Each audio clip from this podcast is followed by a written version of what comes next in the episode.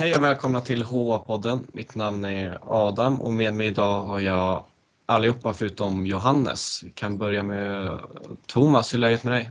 Jo tack, det har repat sig nu. Jag har varit lite förkyld och, så men eh, det, det, nu så är, är det fit for fight här nu och kul att vi kan komma till skott här nu igen en HA-podd. Och du Andreas? Ja men tack, det är bra. Eh, en hektisk höst med hockey, jobb, plugg och innebandy på det. Men annars är det bra. Och hur är det nere i Västerås? Jag börjar också återhämta mig från ytterligare en förkylning här. Det har varit en, ja, ska man säga, en helvetisk höst när det gäller den biten. Men annars, annars är det bra.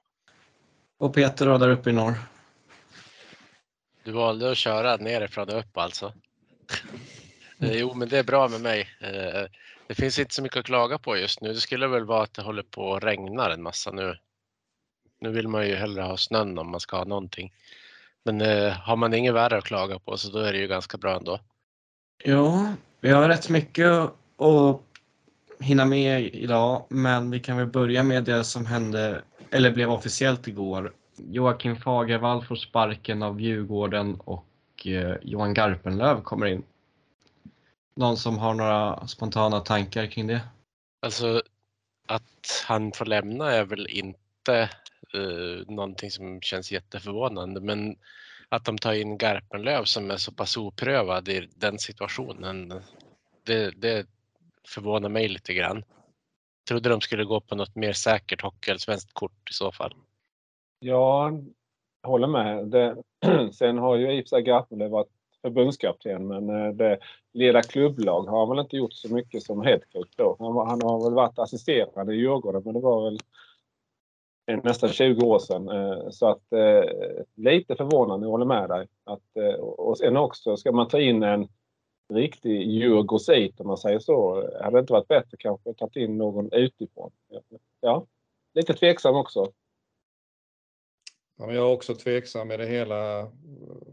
Jag har alltid gillat Garpenlöv som spelare men det är stor skillnad på att vara förbundskapten eller klubblagstränare. Eh, nej, tveksam till valet.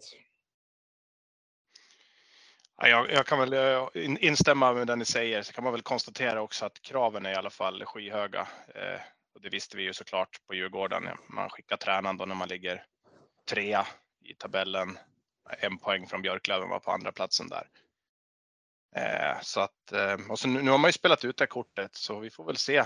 Jag är inte heller så säker på att, eh, att det kommer innebära ett, ett lyft per automatik. Men det är intressant att se fortsättningen där. Mm. Hans tid som förbundskapten var ju inget lysande heller direkt. Nej, jag vet att vår, vår vän Niklas Weiber, han skrev väl typ att han hade det sämsta facitet av, av eh, nästan alla förbundskaptener i modern tid i alla fall. Så att eh, det, det, ja, det finns mycket för den gode Johan Garpenlöv att bita i, i, i Djurgården här. Sen undrar jag, för... Eh, tycker inte ni att Djurgården har överskattat sin trupp lite grann? Jag har sett prat om att det är kanske Hockeyallsvenskans bästa trupp någonsin citat Anton Högsander bland annat. Eh, vad tycker ni om det? Jag tycker den känns skevt byggd. Ja. Eh, jag tycker ju inte den är i närheten att vara bästa någonsin för då hade jag, hade ju jag aldrig tippat dem tvåa men eh, jag känner att, att ha tippat dem tvåa kan ha varit överskattning nog för eh, jag tycker truppen känns lite felkomponerad och jag tycker den saknar en röd tråd i lagbygget. Det känns som att, att Stoppel inte får någon som helst kritik när dessutom, det är han som har gjort tränarvalet, eh, är lite märkligt. Men eh, är det för många, så att säga, inom citat stjärnor då, eh, både så att säga, som har då varit eh, ja, i hetluften i 10-15 år och så då juniorstjärnor. Eh, liksom, eh, eller eh, tittar man på meriter och så vidare. Men det, det, det, kan man ju inte göra. Det är ju nutid som gäller. Så att, så att det, det kanske helt enkelt är för många viljor och för många som vill och eh, kunnandet borde ju finnas där om man tittar spelare för spelare men det, det är väl grundspelet. De har liksom inte kommit samman som lag. Eh, det är väl det som är det stora problemet som inte Fagervall har lyckats lösa heller. Ser att du tänker en del Andreas? Ja, jag tänker sådär. Nej, men jag håller med det ni säger. Eh, lite felkomponerat. Ska jag sticka ut hakan lite? Jag vet inte. För mig är det egentligen den enda riktiga stjärnan hockeymässigt. Det är väl Kryger i så fall, tycker jag. jag tittar på hans meriter. Nu tippade jag dem högt, eh, etta om jag inte minns fel. Eh, är det så att de här lite rutinerade rävarna vaknar till sen när det börjar knyta ihop sig mot slutspel? Eh, men de har lång väg att vandra. Är det så att de har underskattat eh, Hockeyallsvenskan och överskattat sig själva? Någon mix av det? Att det här ska vi bara leka igenom. Som, eh, som en supporter av en klubb som har gjort exakt samma sak när de åkte ur så tycker jag ändå att de har lyckats bättre tabellmässigt än vad Modo gjorde när de gjorde samma sak men det är ju väldigt mycket beroende på att de har ett bra eh, special teams-spel och en otroligt duktig målvakt än så länge. Annars hade de nog legat längre ner i tabellen skulle jag tro. Ja, annars tror jag de hade legat utanför topp 6. Det är inte alls omöjligt. Om man tittar underliggande siffror så det, det är inget som sticker ut i, någonstans egentligen i fem mot fem. Men sen, sen, är det väl så nu de, de senaste matcherna så, så har väl eh, målvaktsspelet har varit eh, grymt bra genom Carl Lindbom eh, och även powerplay då. Men eh, senaste matcherna så har det väl eh, inte varit lika bra som det varit eh, i början och, och eh, ja, fram till kanske de tre, fyra senaste matcherna. Så att, eh, och, I och med att det fallerar lite grann eh, då eh, och inte grundspelet sitter. Då är det mycket som så att säga då, ja, då har det också kommit några smällar här på slutet. Ja, men det får man någonstans vänta. Nivån Lindbom höll första ja, 15 omgångarna, det är nästan omänsklig nivå. Det, det finns ingen målvakt som håller den nivån i 52 omgångar om det inte är alldeles för överkvalificerat. Eh, Sen powerplay går ju oftast upp och ner under säsongen. Mm. Har, har, vi något att tillägga om Djurgården? Alltså, hur tycker ni värvningen av Klasen har fallit ut? Men det är lite märkligt där. Vi, vi pratar uh, så powerplay, det fungerade ju bra. Eh, men det, det, har ju varit lite sämre nu de senaste matcherna. I och för sig Klasen har varit skadad också. Så att, men, men eh, det var ju specifikt i, i powerplay som man trodde att Klasen skulle kunna tillföra än mer. Liksom då. Så att, eh, men samtidigt så, så det är inte nu Djurgården ska vara som bäst. Inte de andra lagen heller. Så, så att, återstår att se. Men har, han började väl bra de första matcherna, Klasen. Men, men eh, sen har det väl som sagt varit skadad också. Så, men eh, han har väl lite att bevisa han också väldigt märkligt att skriva tre år med honom. Det, jag vet inte, alla de här lite mer ålderstigna, är de inga större stjärnor nu så vet jag inte om de skulle vara mycket till behjälp när lag, om, om laget ska försöka hålla sig kvar i SHL nästa säsong. Ja. Jag är lite tveksam till Stoppel överlag. Jag hör det, du gör inga vänner hos Djurgårdarna just nu. De var inte mina vänner innan. Så.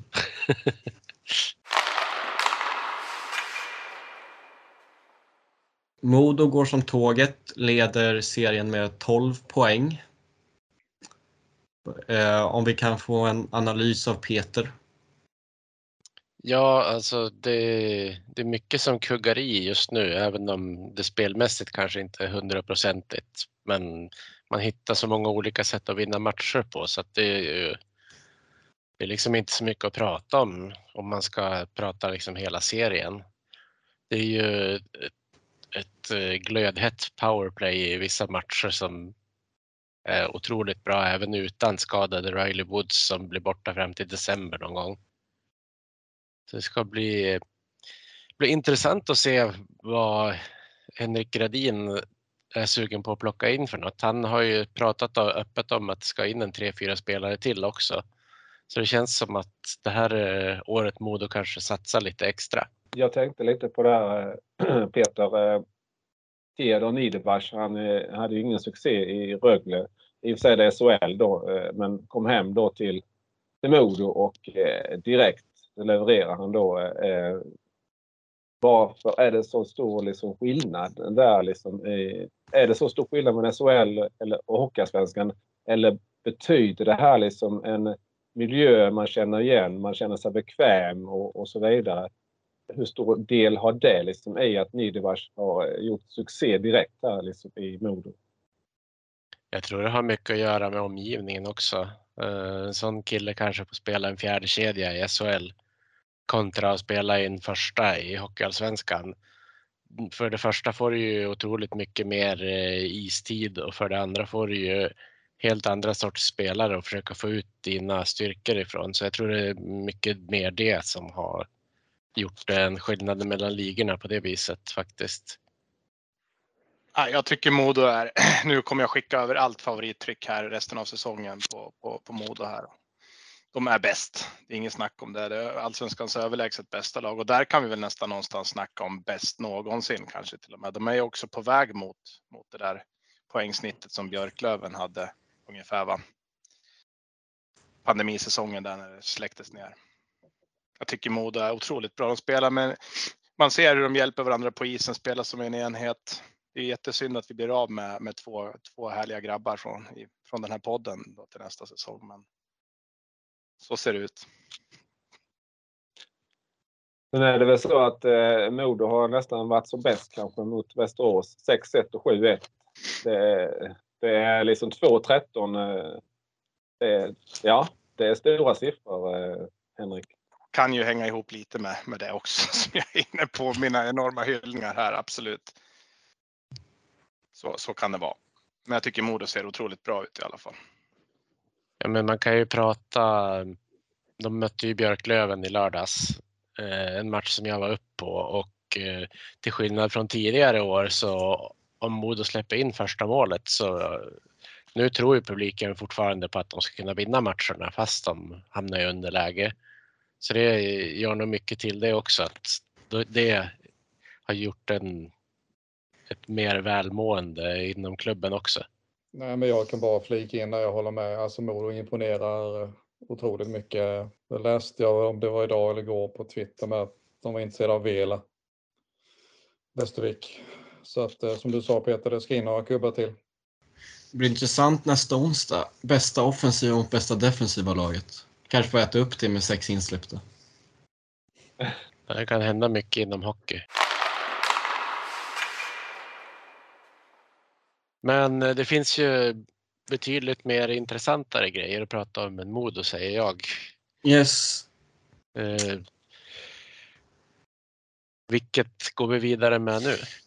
Eh, vi försöker prata om alla lite kort.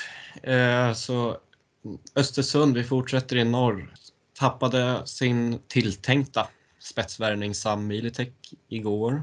Lämnade men det känns som ett lag som eh, ja, levererar över förväntningarna eh, och fortsätter göra det.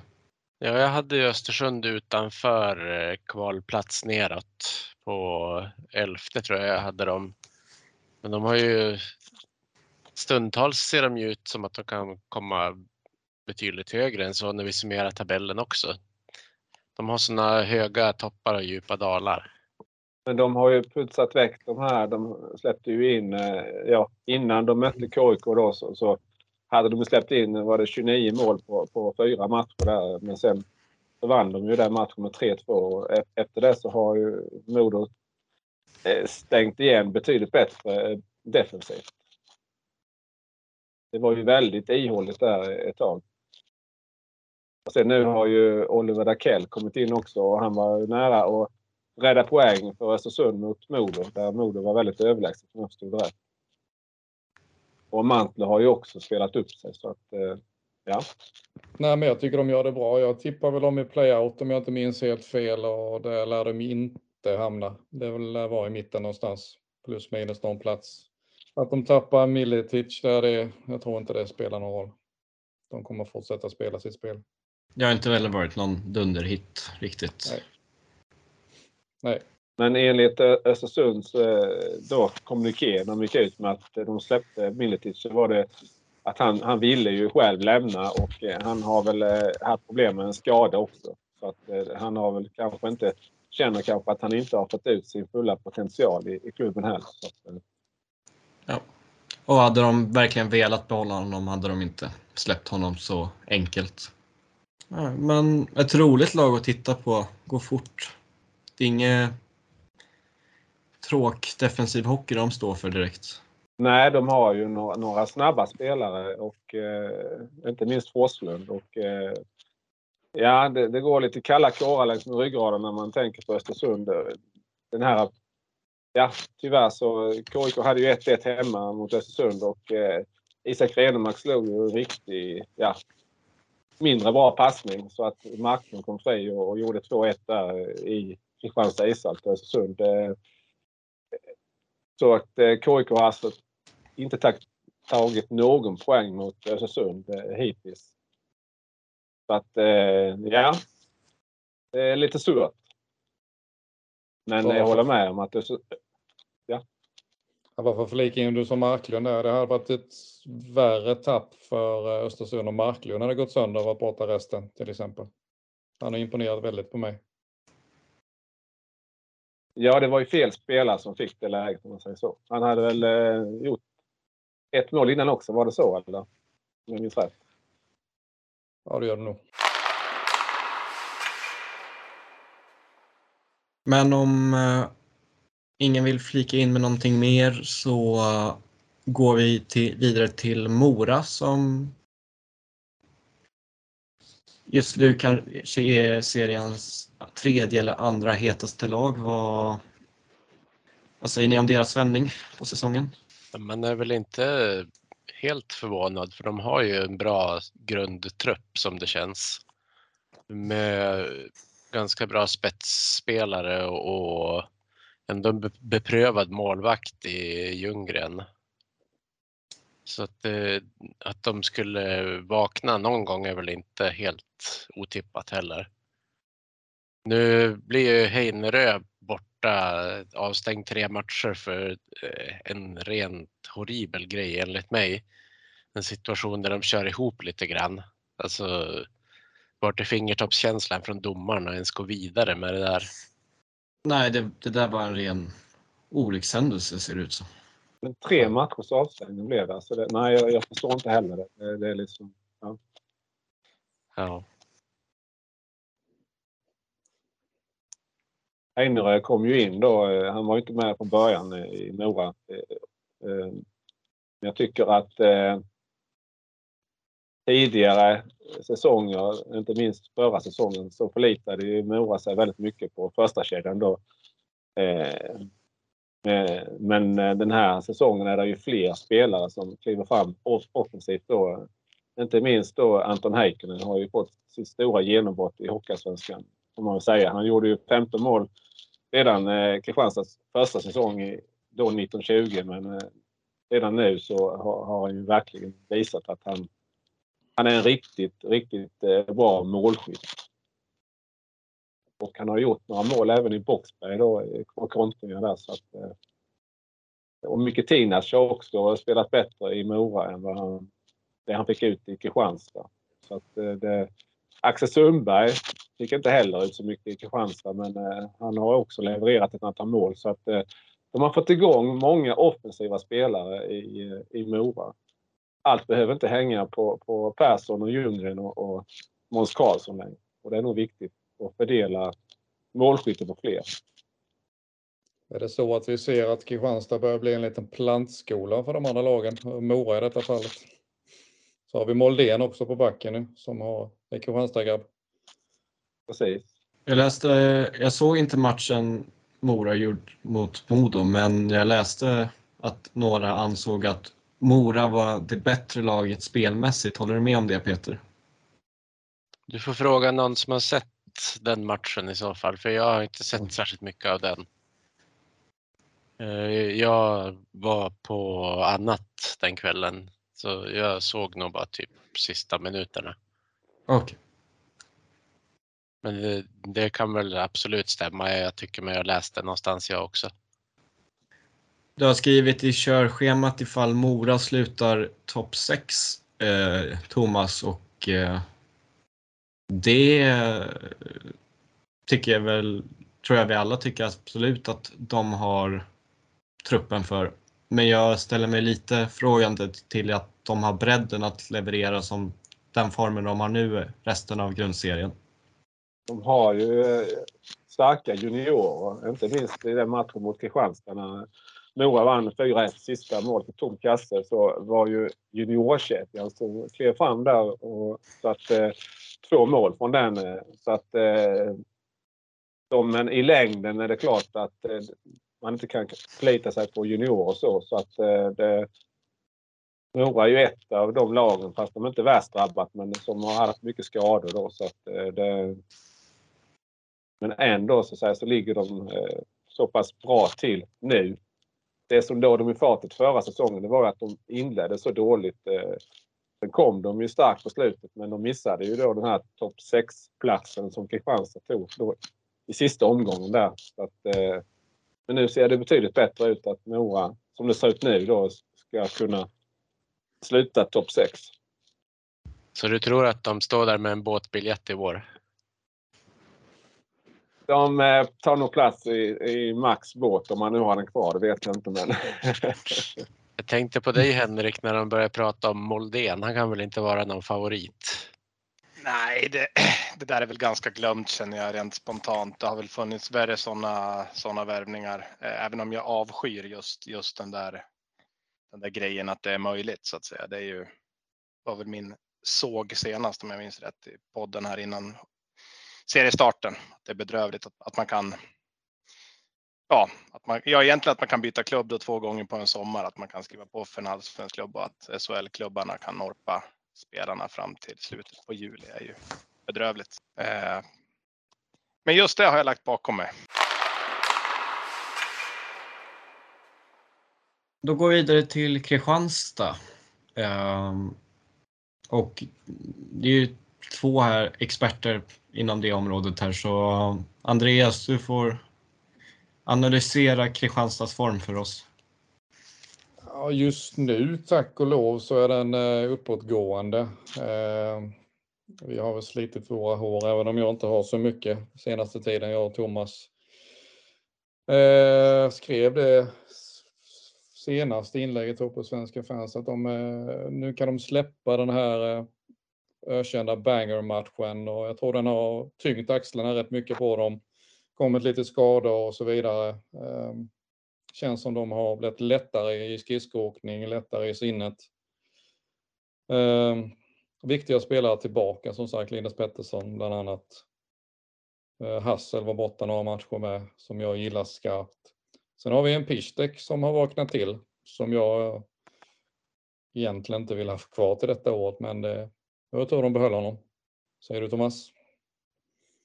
Ja, det är inte så mycket att tillägga. Eh, Theodor Pistek, eh, jag var lite inne på samma linje där som dig, eh, men jag ville ändå behålla honom för att någonstans så visste jag att han har de här sniper-egenskaperna. Han- visade det förra säsongen när han gjorde just det här snabba skottet. Och, men förra säsongen kom han inte till de här lägena på samma sätt, men det gör han i år. Och, Eh, Eh, sen har han ju fått självförtroende, det ser man ju. Liksom. Och eh, framförallt har han fått mycket större förtroende av Mikael Gart. Och eh, han har ju verkligen visat att eh, han förtjänar det. Så att, eh, fyra mål på de tre senaste matcherna och, och så att säga, väldigt eh, bidragande till de här sex poängen som Kristianstad har tagit på dem. Så att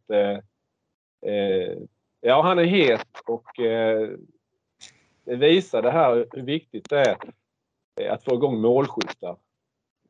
Både jag och Andreas vi har tragglat rätt så mycket på det här att det saknas målskyttar. Och, eh, även eh, Pontus Netterberg har kommit igång men eh, han gör ju nästan bara mål i powerplay. Men eh, där har ju Kristianstad en bit att vandra fortfarande, men ändå så eh, tycker jag att eh, Fistek åtta mål eh, och eh, Netterberg sju mål, varav sex i powerplay. De eh, behöver leverera och de har kommit igång. Väntar på att det ska lossna för eh, Jack Kopacka. Eh, bara fem eh, mål så här långt. Men han har träffat stolpe och ribba ett antal gånger. Så att, ja. Sen, sen du och jag har ju diskuterat lite Thomas kring Netterberg. Du har varit rätt kritisk till honom men Ja, man får titta lite mer ibland, inte bara mål. Han är, han är ju otroligt smart ute på isen. Um, sen hade man visserligen önskat lite mer mål i 5 mot 5 och så vidare, men gör mycket nytta, börjar vakna till liv. Um, en, en, annan spelare, om bara får avsluta lite, det är ju någon som är, jag gillar skarpt, det är ju Filip Karlsson. Som kommer från Västerås. Uh, jobbar otroligt mycket i det tysta. Nyttig, nyttig, nyttig. Ja, han har eh, tre assist eh, senast mot eh, Tingsryd nu då i den matchen. KIK vann här eh, då med, med 4-1 och ja, bara ett mål. Ja, jag hakar upp mig på mål, jag vet det. Men absolut väldigt, väldigt nyttigt. Och sen har ju Kristianstad de här två toppbackarna där framförallt Rickard Rosén har varit grymt bra de, de senaste matcherna och fått eh, förtroende i powerplay också och eh, det gillar, jag, gillar jag skarpt. Att, eh, inte bara att eh, han visar nu att han har ett bra skott, och, men framförallt så är det en trygghet tycker jag att eh, ha en så pass stark defensiv back också längst där bak. Eh, vi har ju tyvärr sett Rope Lavainen har inte briljerat eh, i powerplay och han har ju tappat mycket istid där också. Så att eh, jag välkomnar eh, Rickard Rosén i powerplay. Jag är lite nyfiken över skillnaderna där mellan den här säsongen och förra säsongen. Vad det är som gör att man trots allt i alla fall har startat lite sämre. Förra säsongen parkerade man ju i princip på de där topp 6 hela säsongen. Är det, är det en lägre högsta nivå eller är det en, så att säga, en lägre normal nivå hittills? Eller hur kan man säga där? Jag skulle spontant vilja säga Kik, Kontos, Sidorov. Vi har inte de där göra skillnad-spelarna på det sättet som vi hade förra året med de här tre. Eh, någon som kanske inte syns under hela match, men ändå har de smält in 2 plus 2. Vi har inte dem riktigt i år. Ännu. Instämmer. Mm. Det var ju rätt mycket poäng som försvann där. En bra bit över 100 ja. om jag inte minns fel. 119 poäng. Det är ju en del. Då är nästa lag Tingsryd som eh, åkte på torsk i söndags mot just Kristianstad 4-1. Um, ehm, det lär bli att fokus på att undvika playout för dem. Eller vad säger ni? Eh, ja, det lär det bli. Det håller jag med om. Vi pratade om skador och så här innan och eh, Tingsryd är ju ett av de lagen som har drabbats eh, väldigt hårt också av skador och det, det är på eh, tongivande spelare. Så, så att eh, det är klart att det, det gör sitt till eh, Sen samtidigt så och alldeles för, för dåligt. Vi pratar Kristianstad inte har varit bra i powerplay. Men eh, Tingsryd har varit ännu sämre. Och, eh, eh, ja, de, eh, de sprattlade till här och, och vann både mot eh, Västerås 5-3 och Södertälje 3-1 på bortais innan då förlorade hemma nu 1-4 mot eh, Kristianstad. Så att, eh, men det var väl rätt mycket ryggsäckshockey om jag förstod det rätt där. Som att man eh, ja, man eh, packade ihop det i, i, eh, egen zon och satsade på omställning. Så att, eh, men eh, det är väl så man får göra också när, när man kanske inte har de här spetsspelarna framåt. För jag tycker det var väldigt uddlöst framåt nu senast i alla fall.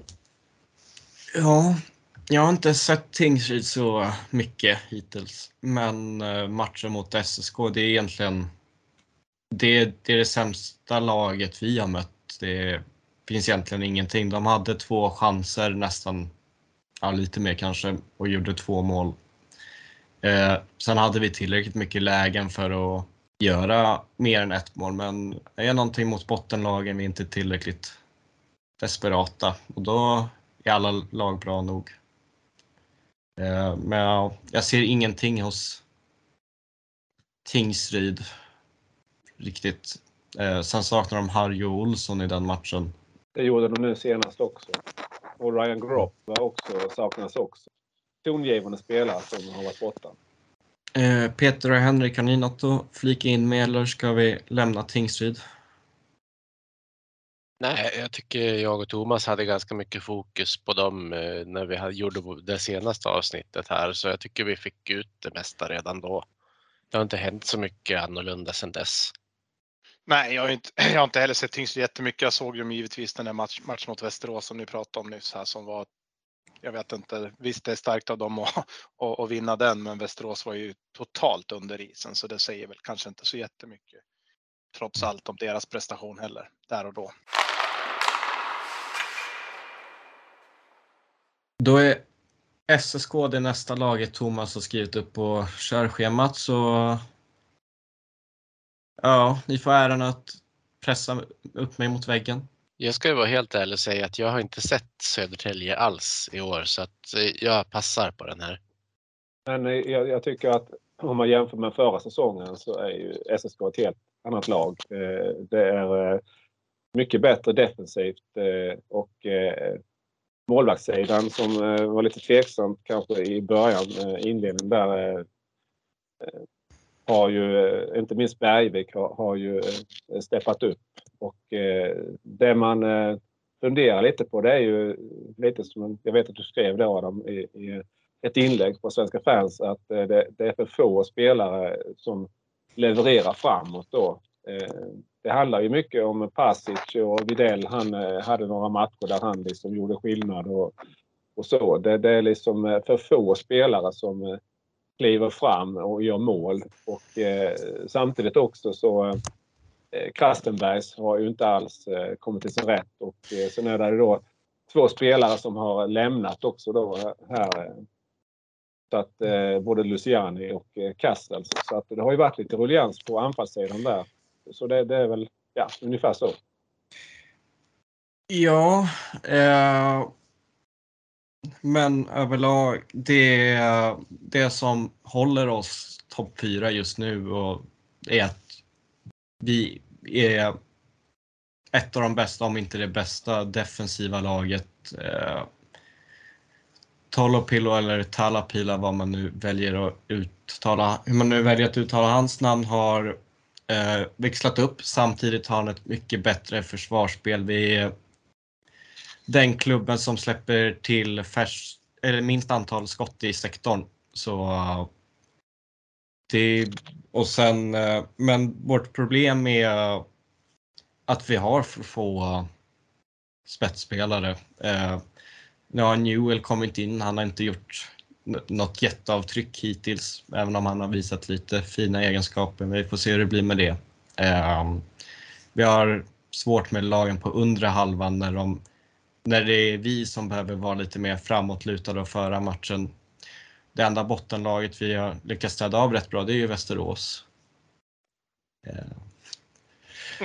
Så. jag kanske ska ändra med det jag tänkte säga nyss, men, men jag, jag, jag tänkte faktiskt på det just eh, den här matchen där i Scania-rinken var det den 2 november tror jag, eh, är ju faktiskt en av de eh, matcherna som startade igång den här riktiga stormen kring Västerås. Var ju totalt överkörda av SSK den kvällen. Ehm, så ja. Men det, det ser väldigt bra ut mot oftast när vi spelar mot de här topplagen. Vi har bara tagit fyra poäng mot Djurgården men jag tycker vi har varit det bättre laget spelmässigt i alla tre matcher och mot Björklöven så var det väldigt stabilt. Det, det, jag, jag förstår fortfarande inte hur vi inte kunde leda med 3-4-0 efter den första perioden. Så eh, vi har inte alla... Det funkar inte helt perfekt men eh, det är mycket positivt i SSK. Och nu är Johannes här också. Ja, ja. Hör ni mig? Trevligt. Tre- Trevligt. Härligt. Hörs jag då? Ja, Absolut. Ja. Härligt. Du får såga SSK nu. Vi har hyllat dem så du får såga dem. Eller hyllat och hyllat. Vi, vi har både lite ris och ros. Eh, ska man dra fram sågen på SSK? Ja, men de gör det ganska bra. Men jag hörde, jag kom precis in när Adam sa att eh, de inte riktigt har spetsen och det är väl det som är deras svaghet i bygget hittills för att kanske kunna hota att vara ett av de absoluta topplagen. ja det, som sagt, det, det funkar ändå ganska bra när vi möter topplagen men eh, vi har svårt att matcherna när vi behöver föra spelet. Och att avsaknaden av spets påverkar ju också powerplay väldigt mycket. Ja, det jag funderar på lite grann för att komplicera det där är ju att eh, man har svårt att föra spelet mot de lagen som är sämre. Eh, klart spets är ju alltid spets och alltid bra att ha, men är det, är det verkligen det som är grundproblemet då? Eller är det, Uh, ja, alltså vi har problem. Inte bara. Dels har vi ett problem att vi har, behöver bli bättre på att ta oss in på insidan. Eh, när, vi inte, har- när man inte har kanske de allra bästa individualisterna behöver man kanske skita ner sig lite extra. Eh, och det jobbet har vi inte riktigt varit beredda att göra. Eh, men eh, Ja, som det är nu så skulle jag ändå känna mig trygg i en bästa sju serie mot de flesta lagen förutom Modo. alltså, är det ändå så pass? Ja, ju, ja. Men jag hör att ni, ni, du har fått självförtroende som förra året. Det är väldigt härligt att höra. det är bra.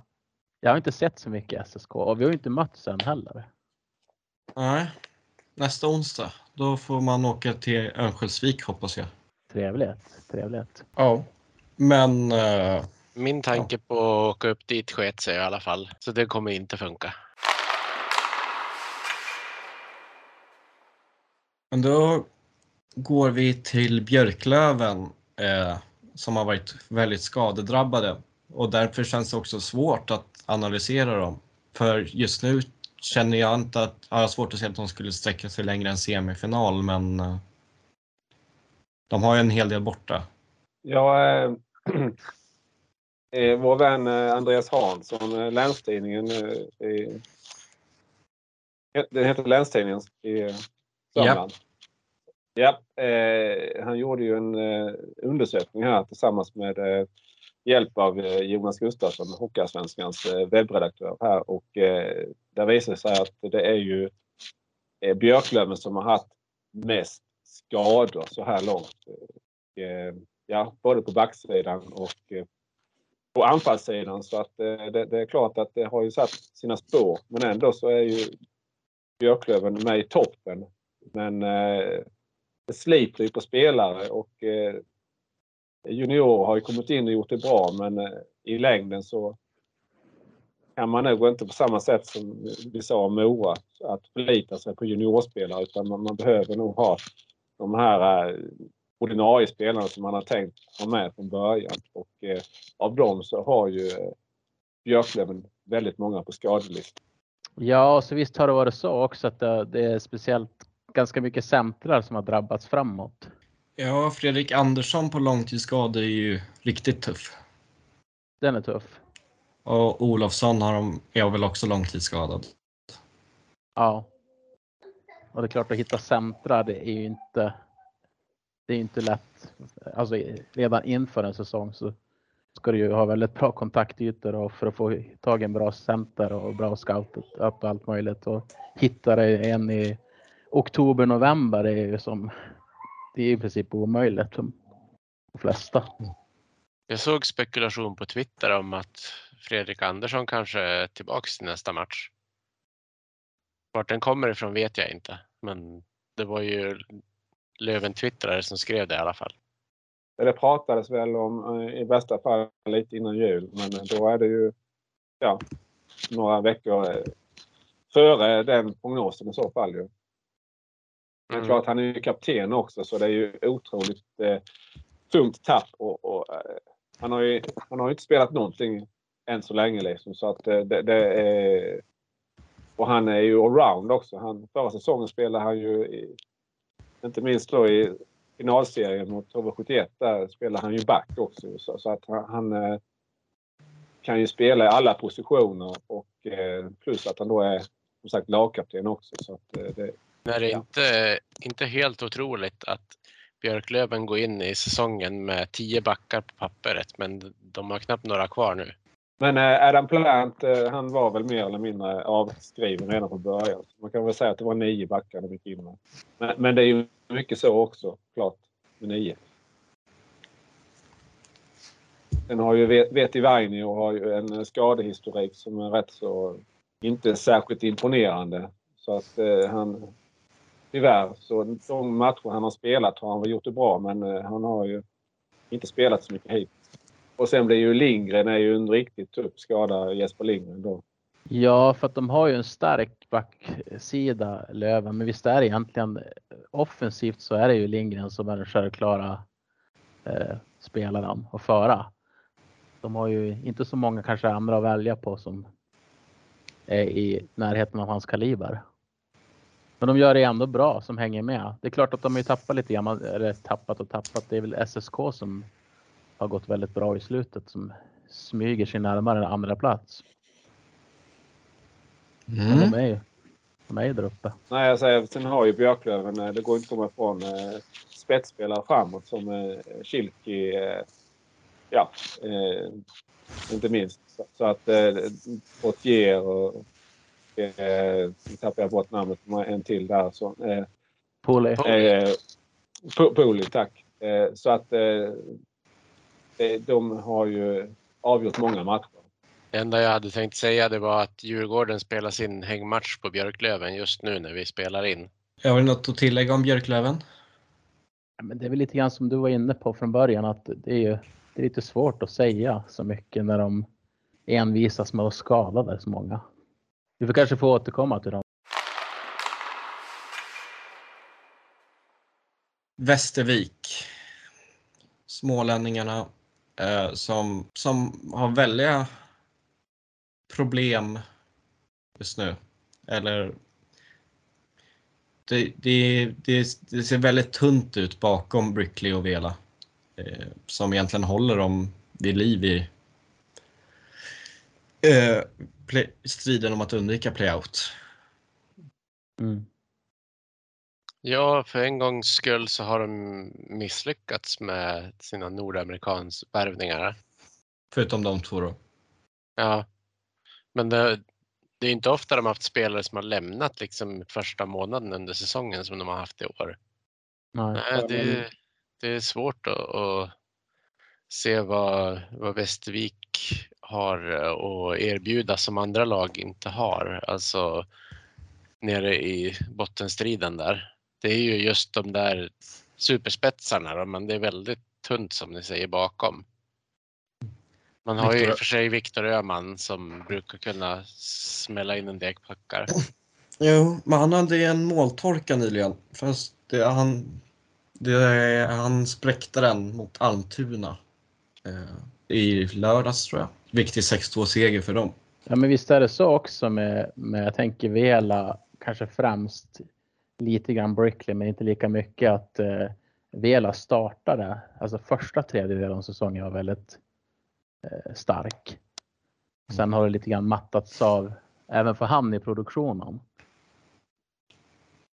Ja, jag tänkte precis på detsamma som, som du säger Johannes att det har eh, han har inte varit lika dominant. Som, alltså han eh, avgjorde ju flera matcher där i början av säsongen. Eh, inte minst då den matchen eh, var sjätte omgången eh, i Kristianstad-Västervik. Då, då, var det ju han som låg bakom båda målen där. Och, eh, så att, eh, jag tror det var hans eh, femte mål han gjorde då i den sjätte matchen. Så att, eh, han inledde ju väldigt starkt och eh, Brickley eh, har ju också gjort skillnad men det är väl så att eh, de har ju inte gjort skillnad i alla matcherna och när de inte har, har eh, gjort de här avgörande insatserna då har det inte varit några andra som har klivit fram. Så att de har varit för beroende av eh, de här två spelarna.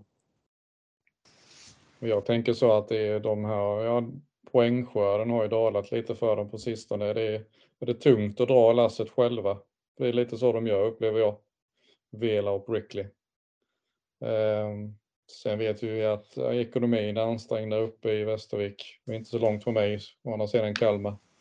Har de råd att behålla dem? Ja, det, ja, de brukar ju vänta tills kontraktet är säkrat men jag har svårt att tänka mig att det, de, det kommer vara säkrat den 15 februari. Mm. Eh, de kanske letar efter eh, lån från konkurrenterna som inte riktigt tar plats i lagen högre upp i serien. För eh, rätta mig om jag har fel, men det är väl inte samma lån, låneregler inom serien som det är från SHL? Nej, det är väl fritt fram va? Så sett. Jag vet, de, de har ju haft flera säsonger där de har tagit in spelare från andra topplag som inte har fått den speltid de har velat haft i sina lag. Så har de lyckats bättre där istället. Fast det är svårt läge för dem. De har ju nästan ja, men de har ju nästan varit beroende av att kunna sälja av spelare och för att kunna pusha mot nästa säsong. Vi har fyra lag kvar att gå igenom innan eh, Henrik ska ta fram sin trimmade motorsåg. Så... Jag ser sjukt taggad ut, Henrik. vi går till nästa lag med ekonomisk kris, Almtuna. Spelar dåligt mot alla lag som inte kommer ifrån 08-området. Konstig nisch att specialisera sig på 08-lagen. Jag, vet, jag har väl egentligen inte sett dem så mycket mer än de två matcherna mot SSK, men de verkar ändå, till skillnad från Tingsryd, verkar de kunna lira hockey. Det är inte, de ställer inte upp med, som en köttmur i egen zon. Så jag är lite förvånad att de har... Mot SSK ser de ändå ut att vara ett stabilt mittenlag. Eh, vad är er bild av Almtuna? De är några klasser sämre än topplagen i alla fall. Även om de lyckas slå Djurgården. Almtuna är ett spelande lag och det vet jag. Vi frågade Mikael Gart just att eh, Kristianstad har ju vunnit 4-0 hemma mot Almtuna och 3-0 borta. Eh, om eh, Almtuna passar Kristianstad. Eh, eh, och det är väl svårt kanske att göra mål mot de här lagen som då ja, spelar defensivt och, så vidare. Men, är det ett spelande lag så Kristianstad borta mot eh, Almtuna så vann ju Almtuna skotten om jag minns rätt med 44-21 eller sånt där. Men Kristianstad vann matchen med 3-0. Det, det, eh, de har ju de har ju mycket eh, spelspets om man säger så. De, de är duktiga, inte minst Asplund, eh, Golovkos. Eh, eh, de, de eh, vill ju försöka så att säga, spela matcherna och inte grisa sig till poängen då. Så att eh, det, och sen har de ju, Andrén har ju, Viktor Andrén i målet har ju gjort några riktigt bra toppmatcher som eh, också har lett till poäng. Så att, men de har väl inte den här stabiliteten utan det är väl lite så när det börjar gå tungt så, så kan det komma många förluster på rak. Mm. Ryktas ju lite om han eh, Hampus Halestam. Det är väl både, både Södertälje och Västerås där och rycker lite grann. Men eh, så vitt jag förstår så har Almtuna sagt nej där i alla fall och det är klart att eh, ska man kunna undvika de här två understa platserna så lär man ju någonstans behålla den spets man har också. Så de behöll Halestam och la ner damlaget istället? det är väl kanske lite och dra det lite långt och dra den eh, parallellen kanske. Men, eh, men, eh, men ekonomiska problem har de ju uppenbarligen definitivt. Det måste ju varit yeah. klubbar som har dragit i fler än Halestam. Det måste ha dragits i Asplund och Golovkovs också. Eller dras i, i detta säkert, nu. Säkert. Men jag tror inte de kommer sälja så länge de är farozon för playout. Nej. Det, det, det står ju alldeles för mycket på spel. Vi får hålla lite koll på Almtuna. Och så kommer vi till eh, laget Johannes fascineras av, BIK Karlskoga. Börjar gå lite bättre för dem. Och eh, Modigs börjar producera lite mer för dem också. han, han var ju som slö. Minns jag fel där Peter? Eller visst? Alltså när, när han var i mod också. Det tog ganska lång tid för honom innan han började mål. Nej, det var väl han som började producera. Särskilt, särskilt på fredagar. Det tog desto längre tid för Riley Woods. Då har jag sagt fel till alla. Då, då, hela mitt tips eh, som jag hade är fel. Jag, jag måste revidera. För jag tänkte att det var nu Modig skulle komma igång och börja lyfta dem och ta, i tabellen. Fast han har ju varit skadad mycket så han har väl inte börjat där riktigt än. Nej, men då, Så, så ditt tips lever. Ja, men då, då så. Vi, jag, jag och Thomas utsåg dig till det nya oraklet i förra podden så du kan ju inte ta bort det på en gång. Nej, Adam, du kanske kan klippa bort det där. Nej, allt det här kommer med. Men jag tycker, det, jag tycker det är intressant med Karlskoga för de är också väldigt skadedrabbade men när jag kollar med Oliver så låter det nästan som att det är lite, de som är borta är inte så saknade utan det är spelare som har haft problem. Eller det är väl Kalle Hjelvert som skulle behöva komma in igen. Eh, men det är nästan som att de har lyft sig efter att det har blivit kastats om lite. Nej, jag tänkte, tänkte på det innan när vi pratade om, eh, det var ju, Hjelvet var ju en annan spelare som gick från Modo till eh, Karlskoga då. Och eh, i de matcherna mot KIK så har ju Hjelvet varit riktigt bra. Spelat ihop med Albin eh, Eriksson då som har gjort 12 mål även så här långt. Så att, eh, det är en riktigt stark duo där. Och, eh, ja, Albin Eriksson är ett av de största utropstecknen tycker jag så här långt. Eh, eh, Visst är det så också att Jelvert, visst var han tillbaka och lirade senaste matchen mot Mora? Visst gjorde han mål? Ja, det är en bra fråga. Jo, han var med. Alltså, eh, ja, men han är ju viktig för dem, helt, helt klart. Och, nej, men då, vad ska man säga om, om dem? De, de, är de inte likadan som, som alla år? Alltså sådär stabila? Mm. Jag tänkte säga, är de inte lite snällare kanske? Jo, Vad jag upplever dem som. Spelade mot Västerås här i var det förra veckan också hade väl nio spelare tror jag, nio eller tio spelare borta när den matchen startade och fick väl plocka av tre till den matchen tror jag. Så det, matchen avslutades med en spya rätt ut på isen där. De, de gick ju på väldigt, det var ju nästan tomt på bänken.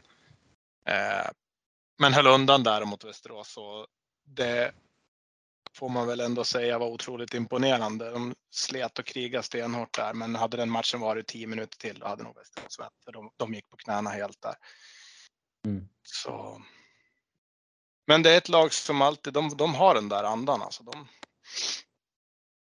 de, de ger aldrig upp. Och, men jag vet inte Johannes, ditt topp tre tips, ligger det kvar eller?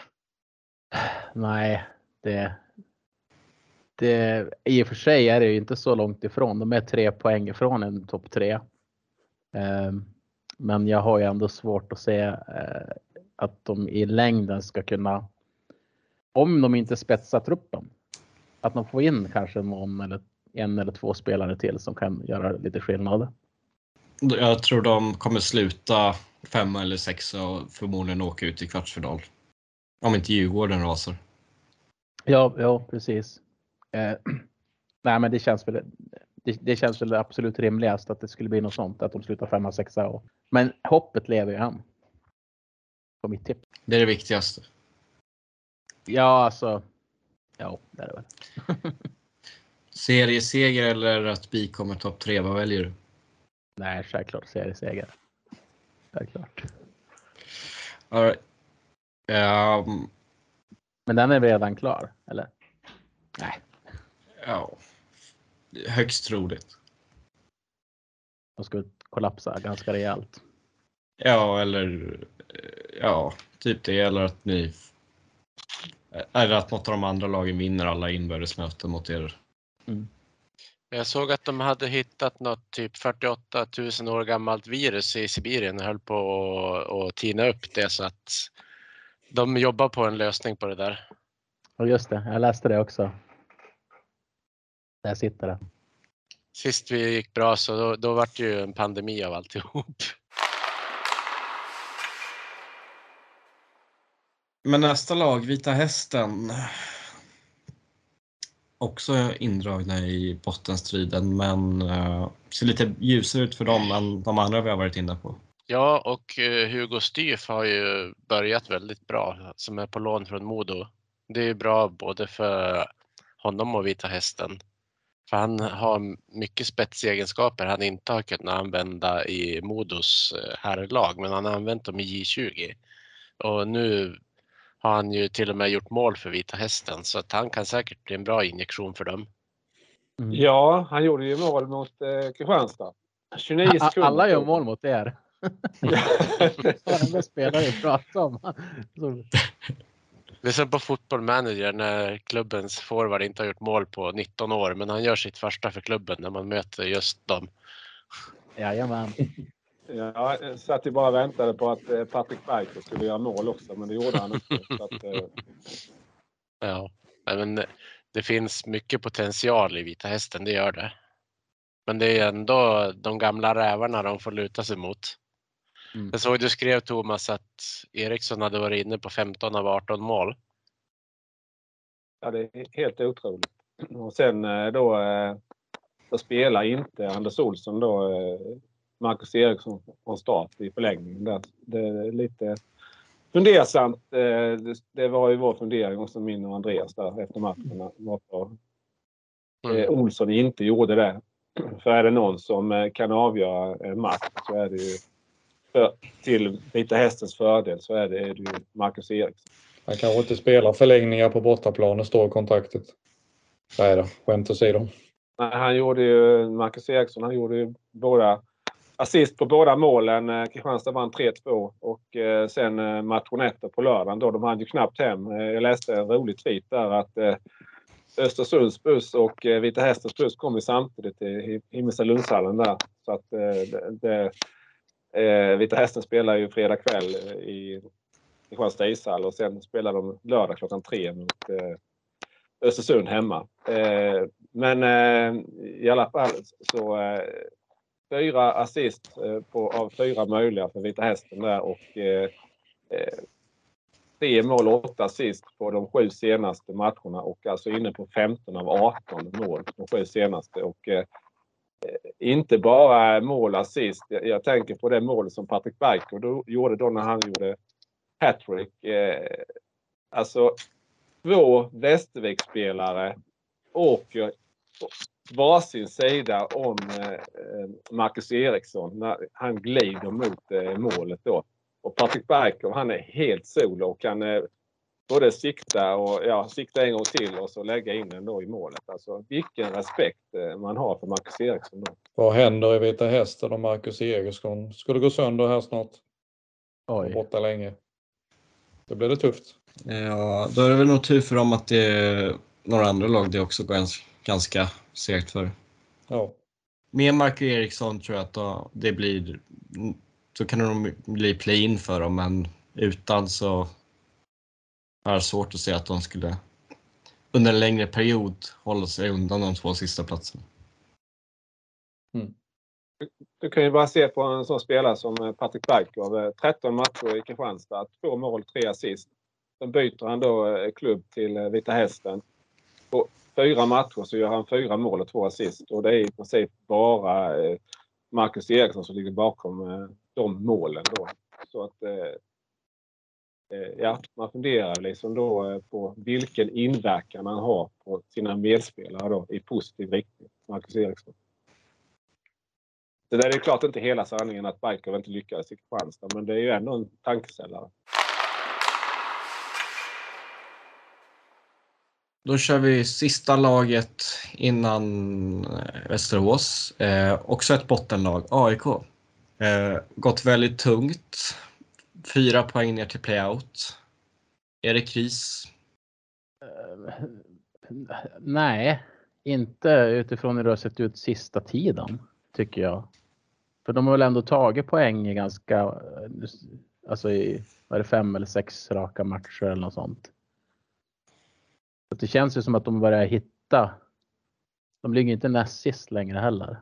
Jag jag tänkte på det Johannes. Du, du sågade ju Adam Rockwood rätt så rejält. Apropå Mm. det att alla gör mål mot, alla gör mål mot Kristianstad. Han gjorde ju två mål. Ja, vi kan skratta åt det, men det var inte så roligt då. Men alltså, Nej, det är ju otroligt. Det är ganska otroligt. Ehm, nej, men jag vet inte. Oskar Öhman också mål mot Kristianstad eller? Eh, nej, tror jag Nej. inte han gjorde.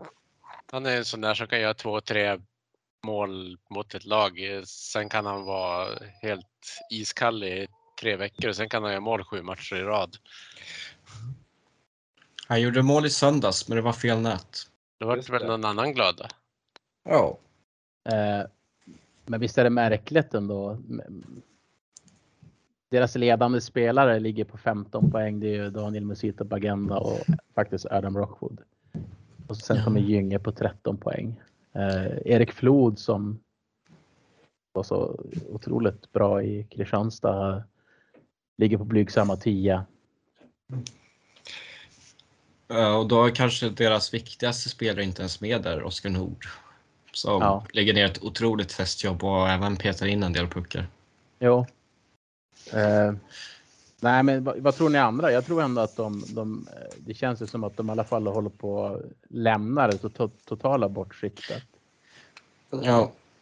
Uh, ja, tyvärr klarar de nog sig från playout, men eh, jag tror inte de kommer kunna haka på topp 6-striden. Nej, De kommer säkert spela play-in i år igen. Ja, jag skulle precis säga det. Playout blir det inte, snarare play-in. Eh, Jag vet inte, Rika Gynge, vi i Kristianstad-redaktionen, det är ju Thomas som är statistiknörd. Jag har inte koll på Gynges poängskörd, men den måste ju vara underkänd så här långt, eller? sex var ju mål och sju assist. Så att absolut. Ja. Med tanke på det namnet han bär så borde det vara betydligt mer.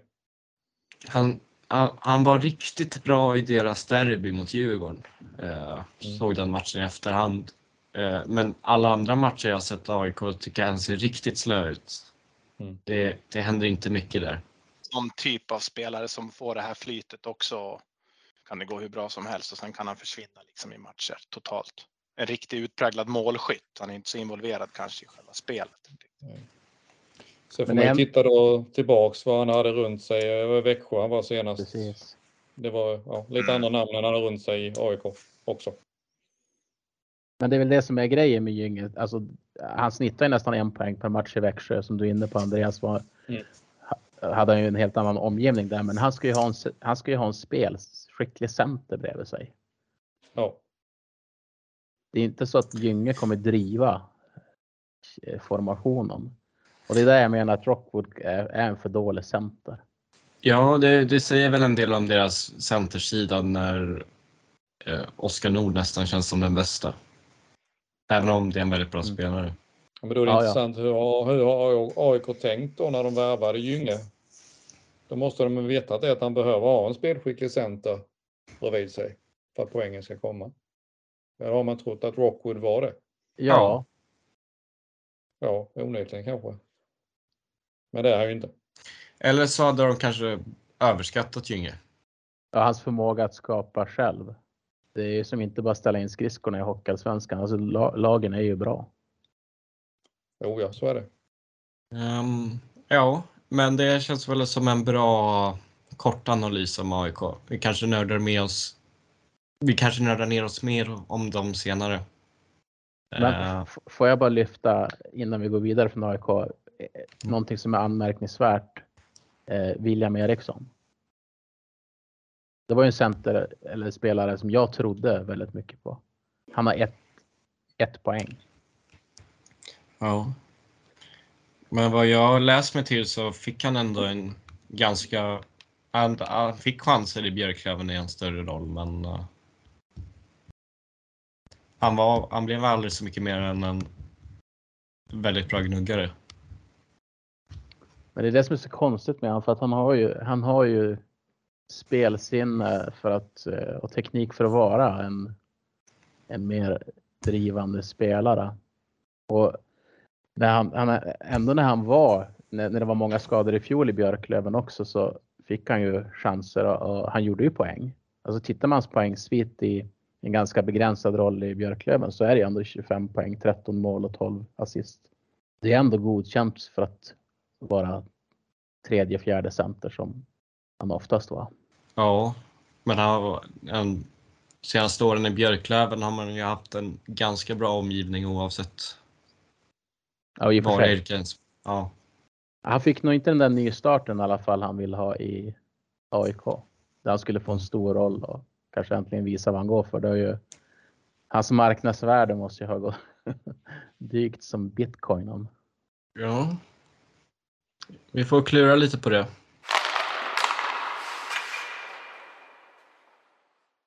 Men jag tror vi har satt något form av rekord nu. Vi har hunnit gå igenom 13 lag på en dryg timme. Jävlar alltså. Det, det brukar ju ta fyra timmar att gå igenom fyra lag. Det kanske inte var de bästa analyserna nu heller. Det var ytliga Nej, men det, på. vi har inte kunnat spela in av olika anledningar så får Ja. man väl gå igenom det mesta lite snabbt. Eh, Men, Men det- eh, får, man in en jämförelse med bitcoin så håller man ändå ganska bra nivå. Men nu, det är många som har efterfrågat en genomgång av Västerås.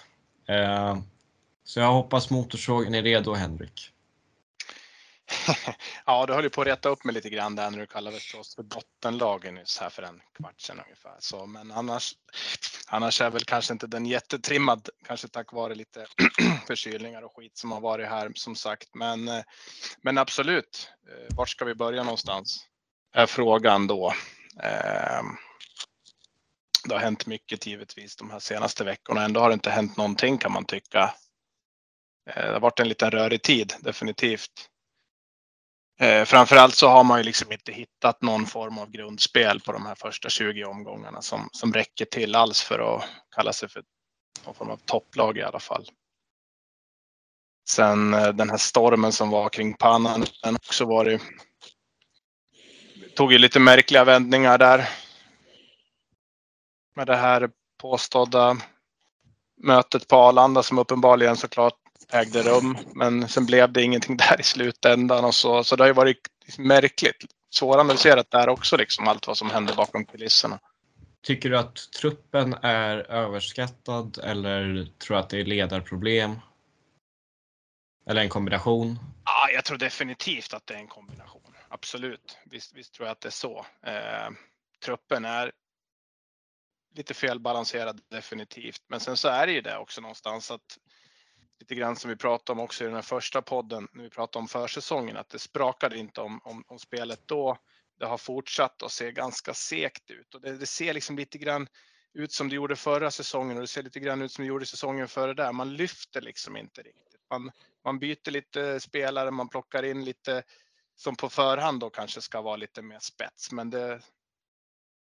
Alla, följer, alla faller in i, i samma mönster någonstans och det, det lyfter liksom inte riktigt. Och det är klart jag tittar på tabellen här. Det är sju poäng upp till andra platsen om man spelar två matcher mindre än Björklöven. Men, men, eh, men spelet har ju varit, bara ta de här förlusterna mot Modo, 1-7 och 1-6 på hemmaplan. Det, det håller ju någonstans inte om man ska, om målsättningen är åtminstone att vara nära och gå upp till SHL såklart.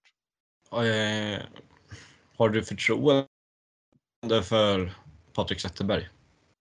Sett, det har ju blivit lite grann här på slutet här nu att, att Zetterberg har ju nästan varit i skottgluggen lika mycket som Thomas Pannanen har varit. Eh, det är ju om man ska ställa den frågan mot varandra. Ska man byta sportchef? Ska man byta tränare? Ska man, ska man rensa rätt igenom så är det ju det är ganska många aspekter man någonstans måste ta hänsyn till. Och det ekonomiska givetvis är ju, är ju en av dem. Byta en sportchef är ju ingen quick fix på det sättet. Då, då gör man ju en förändring längre fram i tiden kan man väl, kan man väl säga. Eh, sen, sen just när det gäller Patrik Zetterberg och hans värvningar, det är klart att eh, det går inte att sticka under stolen med att mycket har ju gått snett. Alltså, det är ju också som jag var inne på eh, på den här första podden inför säsongen. Prio ett till den här säsongen var ju att man skulle skaffa en, en, en till topp två center som Micke Frycklund skulle slippa vara den där ensamma drivande spets slash poängcentern. Man värvar alltså in då en, en kanadensare som har ägnat hela sin seniorkarriär och, till att döda utvisningar och ja, helt enkelt ha en defensiv roll, även om meriterna var fina. Eh, men det är klart, det var tveksamt på förhand och det, det bevisades ju ganska snabbt att, att, att han inte skulle klara av att leverera poäng kväll efter kväll i, i Hockeyallsvenskan. Så man hamnar ju i det läget när man har en första center så har man tre på sin höjd tredje centra, tredje, fjärde centra så att säga. Och det är ju det är en enorm brist i, i lagbygget givetvis. Mm. Uh, det blir, det blir det är en ganska klurig sits när det inte är det, det, det är inte riktigt det panikläge. För om man sparkar Pananen så ska man då ta in någonting kortsiktigt eller långsiktigt? Har man förtroende för att Zetterberg ska kunna sätta en långsiktig rekrytering? Finns det ens ett sånt på marknaden? Men samtidigt gör man ingenting. Det, folk förväntar sig mycket av Västerås med den här satsningen. Det blir glesa läktare mot de sämre lagen. Eh, det är en svår sits. Ja, men exakt så. Det är en jättesvår sits, absolut. Man måste göra. Man måste definitivt göra någonting. Man håller ju på lite grann här med lite spelare och kader. Nu fick man in Anton Eriksson från Oskarshamn. Man tog in han Dover Nilsson från Frölunda exempelvis. Båda två helt klart fyller en, en absolut en, en, viktig funktion i den här truppen, men det räcker ju liksom inte. Det är klart att man måste göra mer för att vända på det här skeppet. Men sen så kan man ju fundera på också det här mötet på Arlanda som, som läckte ut där eh, Zetterberg, Thomas Pannanens chef, de har jobbat tillsammans i den här klubben i, i ungefär samma roller i typ sex år säger vi. Eh, hur, hur förändras deras dynamik? Det är inte så enkelt såklart att fortsätta den resan tillsammans heller när, när, när det läcker ut som, som, som det gör på det här sättet. Så det är klart att det har skadat förtroenden gentemot varandra också givetvis.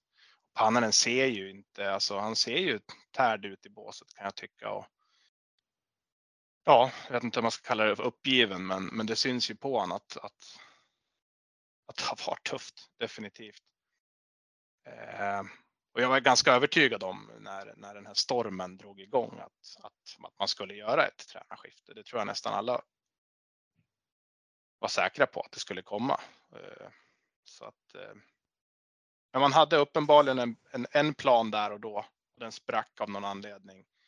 Sen hade man ingen plan B utan då har man fortsatt och sen så kom det ett par segrar. Sen kom det ett, ett par förluster igen och driv, drevet var på gång igen här nu och så vann de ju senast här mot Djurgården i lördags. Eh, så fick man stopp på det här snacket igen lite grann då, så det känns ju som att de här segrarna kommer ju liksom precis när det är på väg att eh, verkligen kanske eskalera till en fullskalig storm.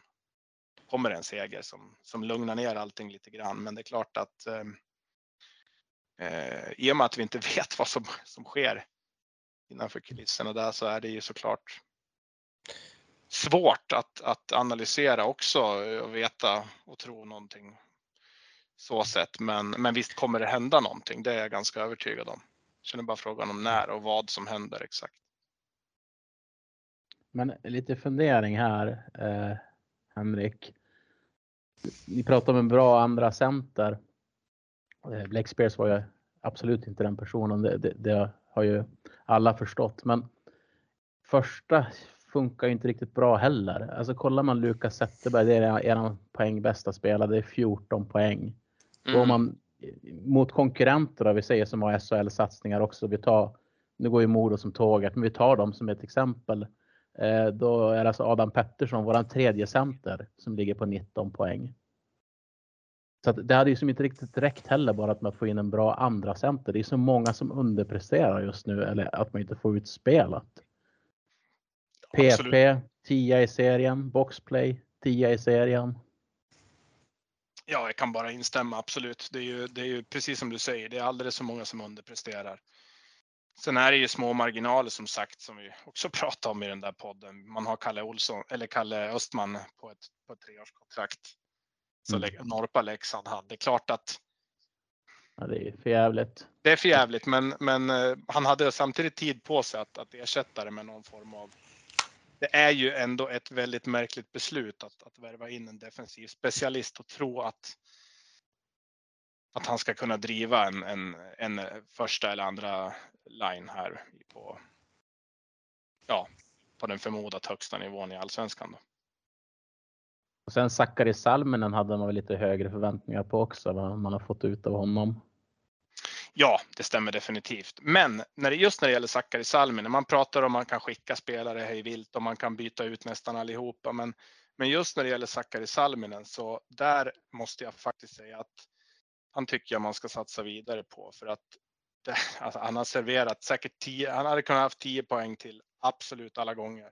Ja, om, om, bara spelarna hade haft klubban i isen och i princip tryckt dit pucken. Det, det, är för, det är för mycket ineffektivitet bland forwardsen framför allt. Så sett. Så det är inget fel på Sakari Salminens arbetsmoral om man tittar på, på flera av, av de andra spelarna i ja, men andra, tredje kedjorna. Man, man, kan inte skicka den här, den här så kallade eventuella spetsen om man ska tro att man ska lyfta heller. Nej, absolut. Det, det som är lite. Det, det är era toppspelare som framförallt behöver lyfta sig först. Eh, man kollar spel 5 mot 5, Mikael Frycklund och Lukas Zetterberg som har mycket speltid och får mycket offensiv, offensiva möjligheter. De ligger ju 8 och 9 i er interna poängliga. Mm. På ganska blygsamma 6 och 7 poäng. Ja, och Pananen håller ju på att laborera ganska mycket i kedjorna och även i PP har han flyttat runt spelarna lite kors och tvärs. Men, men just när det gäller Frycklund och Zetterberg som du säger så där envisas han ju hela tiden att köra de två tillsammans. Och där, där skulle nog jag definitivt vilja se en, att de splittar på de två och ser vad som kan hända där. Zetterberg är ju också en, jag vet inte, han är ju, vi pratar om det här med att driva spelet, lite som Rickard Gynge. Han är ju inte den som gör det och Eh, han, han är ju beroende av han är beroende av en bra center helt enkelt och de, de har inte klickat riktigt lika bra den här säsongen. Det har de inte. Men de är fort, eh, Fricklund är fortfarande man kan säga mycket om Frycklund, men han är fortfarande ensam som så kallad toppcenter i Västerås. Kollar vi på de övriga centrarna, Isen Skedung, händer ingenting framåt förutom de här absolut senaste matcherna har han lyft sig. Så har vi Aronsson då som kom från Södertälje och det finns ju ingen offensiv där heller. Men sen så har vi Anton Svensson också. Det är samma där. Det händer alldeles för lite. Eh, kan, kan skicka in två mål i en match och sen händer ingenting på fem, sex matcher samma Kokkonen. Det, ja, det, är för, det, är för, det är för dålig produktion helt enkelt. Det går inte att sticka under stolen med det. Men det är inte bara det. Västerås har problem. Vi pratar forwards nu, men backsidan är ju.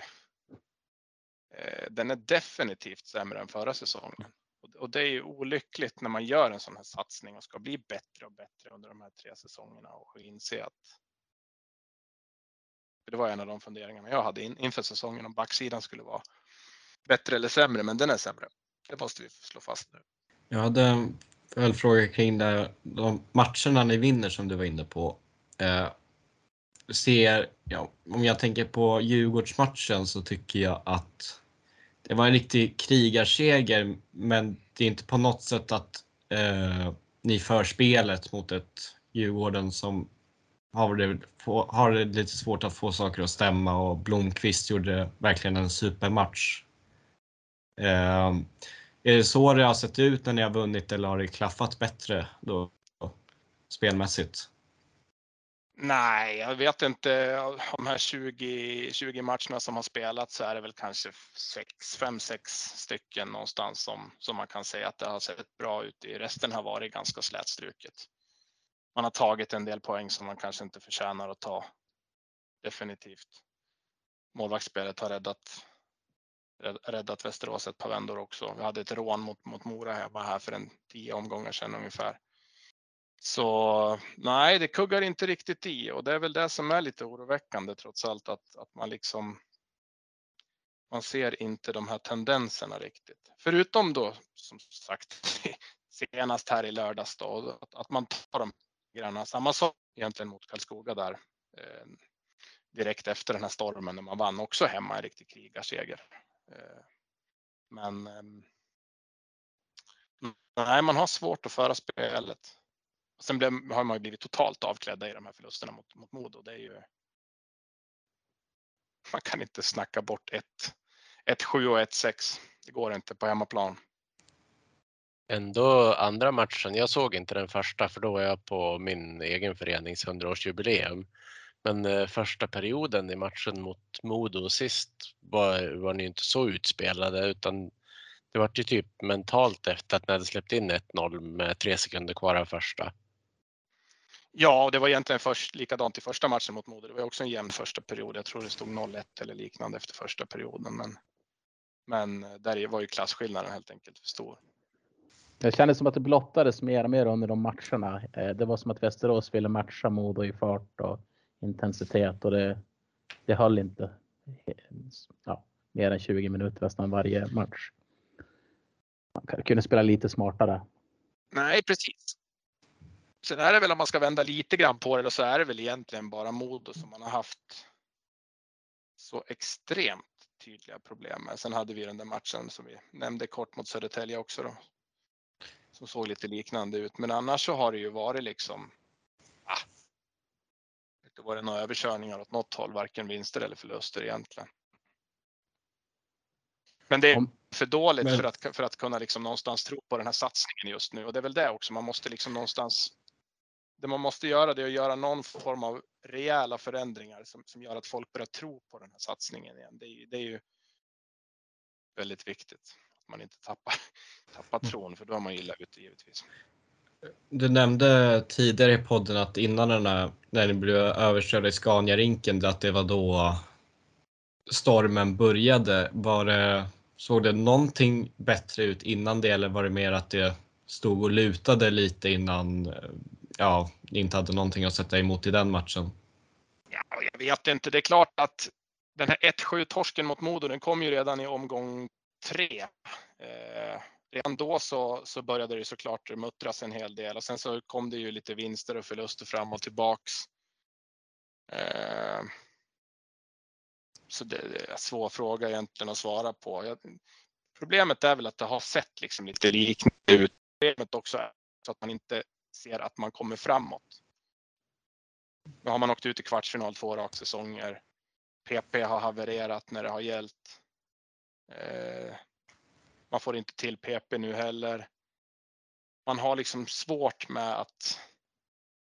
Man har svårt. Man, man får inte till det här topplagsbeteendet med att vinna tre, fyra matcher och sen förlora en, utan det är man vinner en och förlorar en. Eh, så vi får se, men det, det ryktas ju om, om en hel del som händer bakom kulisserna, men marknaden är ju återigen ganska stendöd. Men vad tycker ni andra, Thomas, Adam, Andreas och du också Henrik och, och Peter? De här satsningarna när man sätter årtal. Vi har gjort det i Modo också. Nu gick sportchefen i Modo ut och eh, för någon, i podden här med Adam, Adam för någon dag sedan och så att det, det var sånt ska man inte ha. Eh, eh, vad, vad, tycker ni?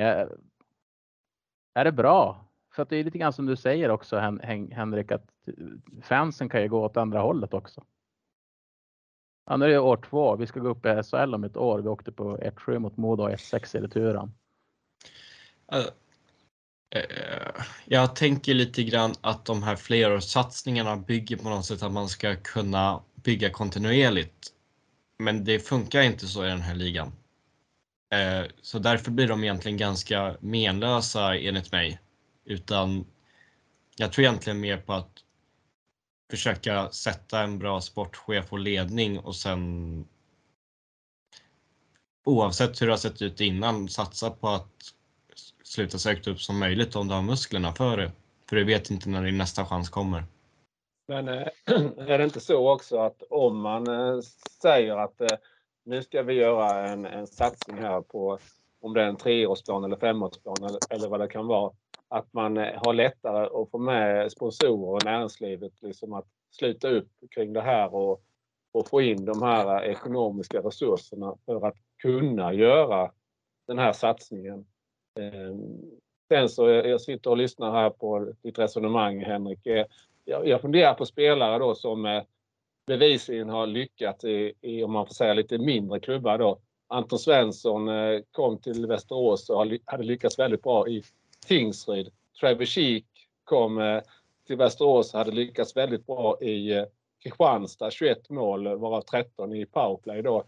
Varför lyckas inte de här så att säga, spetsspelarna från lite, lite inom citat mindre klubbar i den lite större klubben då?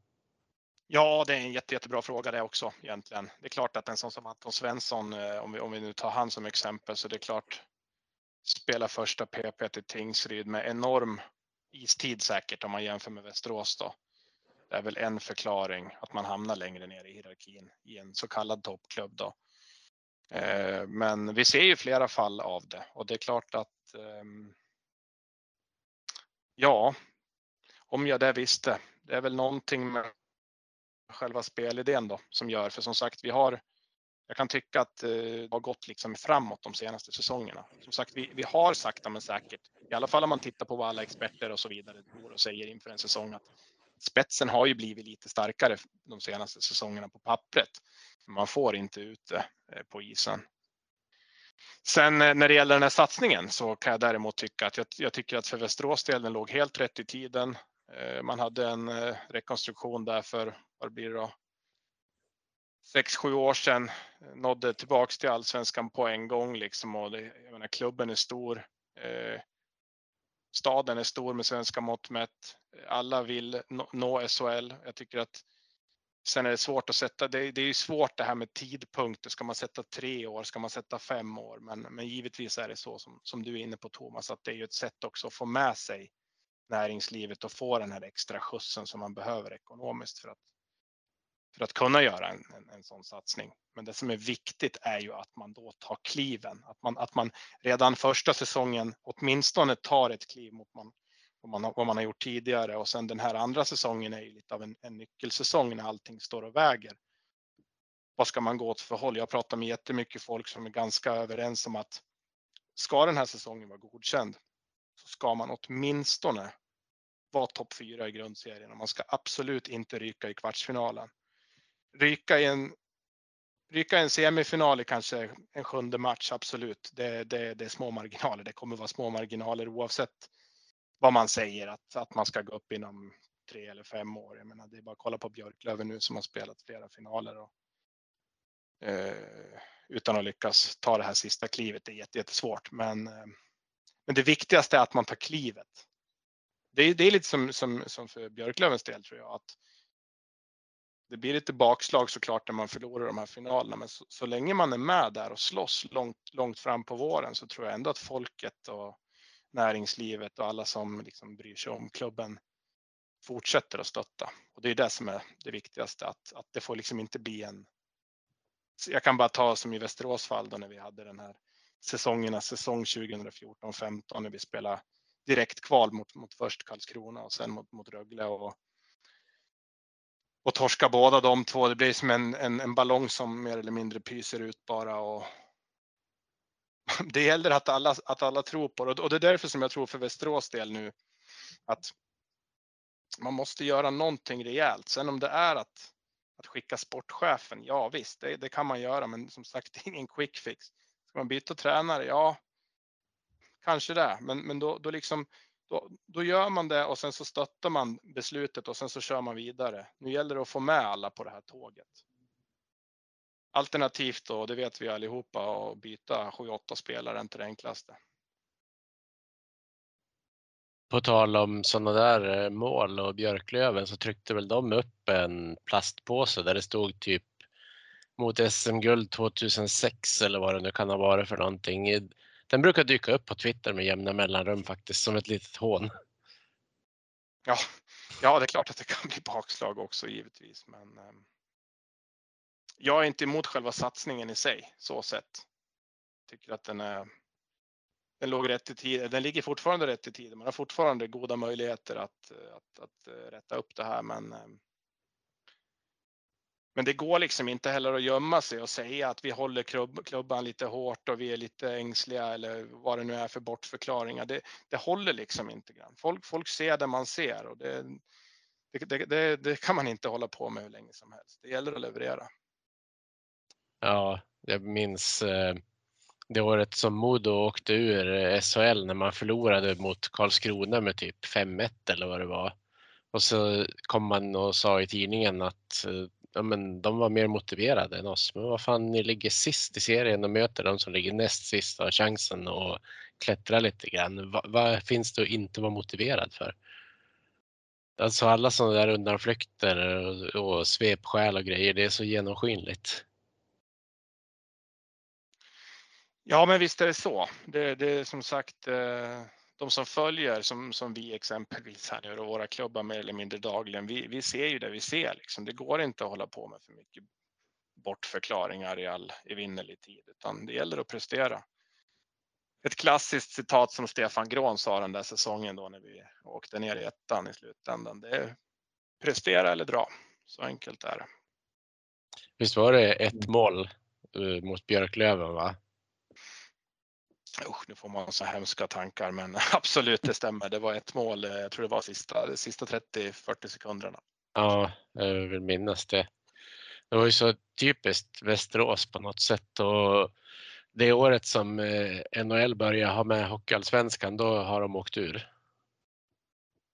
Det, ja, bara en sån det, har liksom, det har liksom alltid varit världens sämsta timing med grejerna. Det har handlat om Västerås känns det som. Så jag hoppas att ni kan vända så att det känns som ni verkligen är på väg åt det positiva hållet. Ja, precis. Alltså det är ju så små marginaler åt alla håll och framförallt när man tittar på tabellen. Men, eh, men som sagt, eh, vi som följer det dagliga, vi, eh, vi, vi skiter ju egentligen i om man har 31 eller 34 poäng 20 omgångar in, utan man vill, det man vill se det är ett, det är ett spel man tror på i, i längden. Mm. Sen får man ju som tänka också att man ska ju ha lite tur med sig så att det de andra grabbarna var inne på med det här med kontinuiteten, att få fortsätta bygga på eh, en stomme eh, och att, att man lyckas pricka in med spetsen. När man kollar på SSK i fjol mot i, i år. Nu aspirerar de snart på andra platsen. I fjol var det ju fruktansvärt för dem. Eh, så det kan ju gå ganska snabbt också att få bygga ett bra lag. Eh, Modo var ju också bedrövliga för några säsonger sedan. Det gick, jo, gick dåligt. Sen har man ju fått bygga på kontinuitet från förra året. Precis, och det, det, som har varit Västerås mål genom egentligen den här satsningen, det är ju just att, att, att man, man, man vet att man inte är den absolut rikaste klubben i Hockeyallsvenskan, men man kanske är under det där skiktet vi säger de två, tre rikaste. Sen kommer man där och man kan kraftsamla lite grann. Men det man har fått gjort då, det är att man har byggt med kontinuitet just på ledarsidan och sportchefssidan. Och då är det ju, då är det ju väldigt olyckligt när, när, eh, när det kanske är där man måste göra de förändringarna som krävs för att ta sig vidare. Andreas. Andreas. Ja. Ja, alltså jag kan förstå den här satsningen jag pratar om gentemot näringsliv och så vidare. Och, men jag är inte riktigt förtjust i att sätta ett datum, liksom slutår på det hela. Det, det sätter press på så många olika nivåer. Um, sen sitter jag och funderar lite på det här med Pärnanen. Hur länge har han varit tränare? Ja, eh, faktum är att eh, han har ju varit där i, i vår nu, då blir det sex år. Mm. Det var ju också en lite speciell grej. Nu har man ju aldrig eftersträvat att vara någon form av Mr Madhawk light, men faktum är att eh, när vi spelade den där hemska kvalserien ner till division 1 när de sen mm. åkte ner så, um, så fick jag info kring att de skulle eller hade sparkat andre tränaren då, Tony Sabel två omgångar in i kvalserien. Jag satt och tittade på tv på kvällen och tänkte vad i helvete? För jag hade helt säkra uppgifter den gången. Det var liksom helt vattentätt. Han har fått sparken. Men han stod där i båset i alla fall på kvällen där. Och... Men sen rök han dagen efter och då Christer Olsson som var huvudtränare då, han han, valde ju själv att avgå då. Och då kom Thomas Pannan in i bilden då. Och det här var ju alltså då säsongen 2016 17. Sen dess har han basat över laget och det är väldigt lång tid egentligen i, i svensk hockey och var huvudtränare i sex år och det har hänt väldigt mycket. Direkt degradering till ettan, direkt uppflyttning, trea i allsvenskans första säsongen, kval mot SHL och sen har man ju liksom någonstans då trott att det ska. Ja, helt enkelt lyfta då. Så att eh, mm. där är ju också inne på någonting. Har man, har man kanske någonstans jag ska inte säga slutat att lyssna, men vi har Micke Frycklund, vi har Lindelöf, mm. eh, till viss del eh, Jimmy Jansson och, och, flera andra som har varit här under de här, nästan under alla de här säsongerna. Och det är klart att, eh, ja, man blir lite, vad ska man säga, det går lite slentrian i allt kanske. Ja, men det kan så vara, även om Pannanen har ju naturligtvis gjort ett bra jobb fram tills nu och gör säkert sitt bästa också nu. Men eh, du har ju en poäng när du säger, har man slutat lyssna? Eh, gör man den här satsningen så kanske det är dags för något nytt. Alltså en helhetsgrepp på hela. Byt ledning med coach. Enklare sagt än gjort kanske, men förstår du vad jag menar?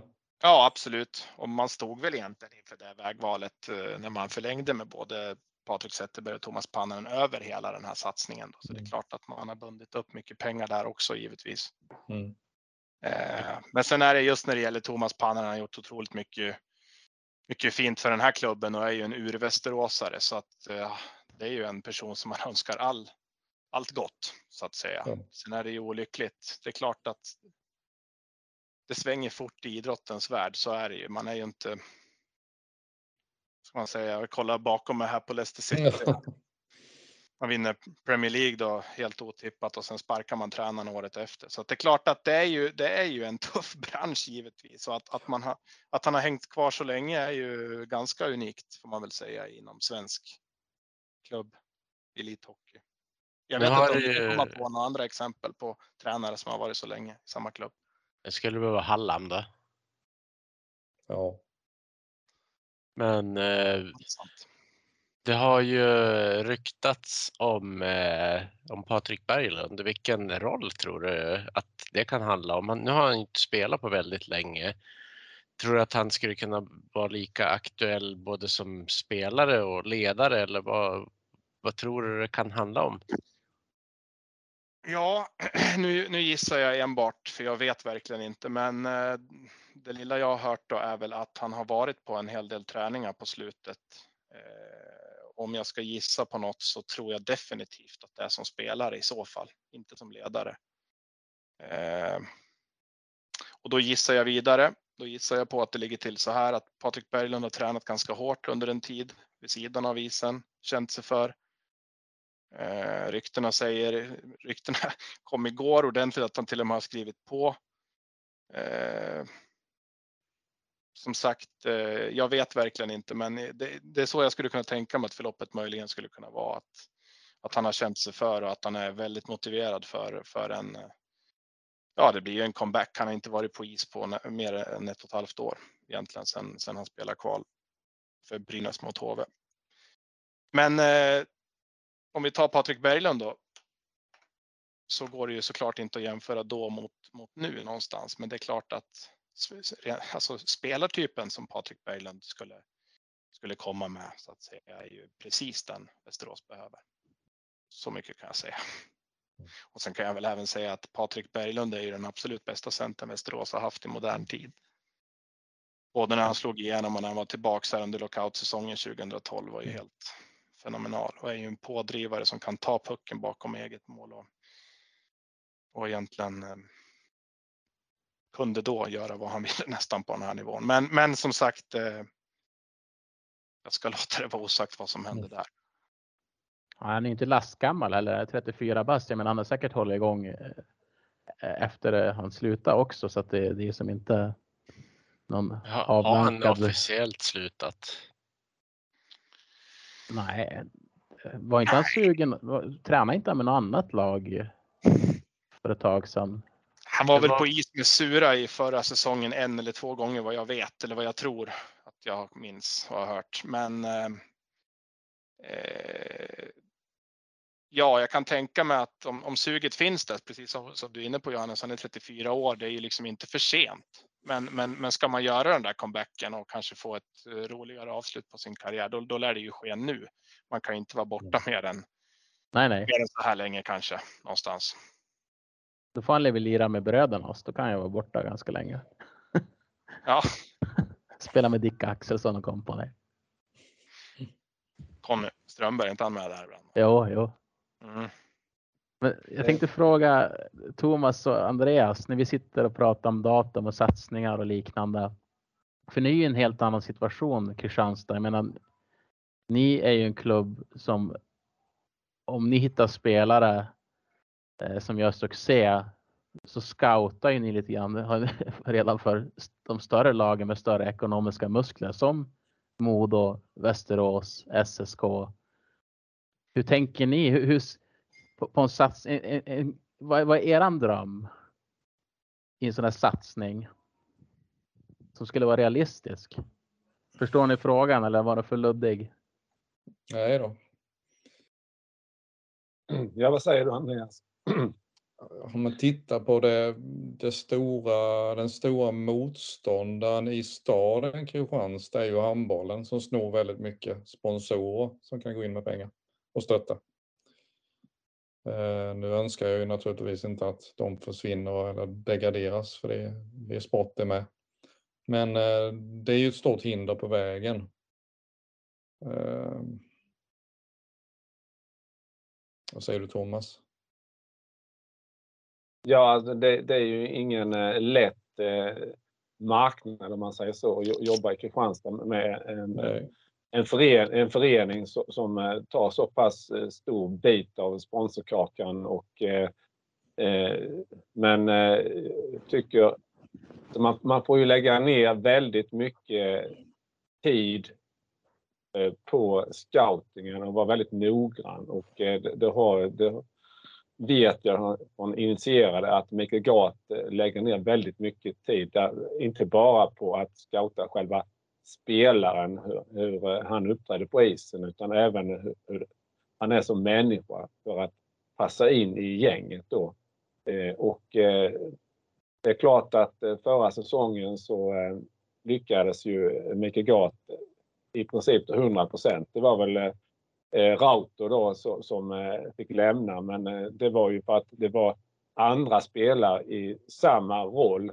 Kevin Wenström, eh, Melke Eriksson som eh, tog rejäla kliv och helt enkelt konkurrerade ut Alex Rauter. Det var ju inte, Rauter var ju inte dålig men han som sagt eh, i konkurrensen som var då så, så, så lyckades inte Rauter slå sig in i laget. Eh, den här säsongen är ju Patrik Bajkov eh, var ju det var en liten chansning, det har Mikael Gard sagt. Eh, eh, och eh, det följde inte väl ut i Kristianstad men det verkar ju som det går bättre för honom i, i Vita Hästen då. Men det är ju klart svårt att vara i en mindre klubb och veta om att de större klubbarna, inte bara de större HA-klubbarna utan även SHL-klubbarna rycker i spelare. Både Viktor Gran och Rickard Rosén var ju utlånade förra säsongen till eh, eh SHL då. Och eh, har ju en, enligt eh, initierade källor här så Maddox så, så har ju Mikael Gard satt blankt nej till klubbar som SHL-klubbar som ville låna Viktor Gran. Då. Så att eh, det är ju en svår sits att vara i de här mindre klubbarna eh, och streta emot och så vidare. Och att behålla de här spelarna. Och, eh, men man vet ju om, som i det här fallet med då eh, Trevor Kik försvann till Västerås och eh, både Kontos och eh, Sidorov försvann ner till Slovakien där det finns mer pengar då. Så att eh, det, det är en jättesvår sits. Och framförallt då när man inte kan eh, ha, jämföra sig alls med de stora HA-klubbarna rent ekonomiskt. Mm. Sen är ju en annan aspekt på det hela nu har ju organisationen växt enormt mycket de senaste åren när vi hamnade i HA. Och eh, ändå är det alltså bra. Det verkar som spelare och ledare trivs där det är proffsig miljö att jobba i och verka i.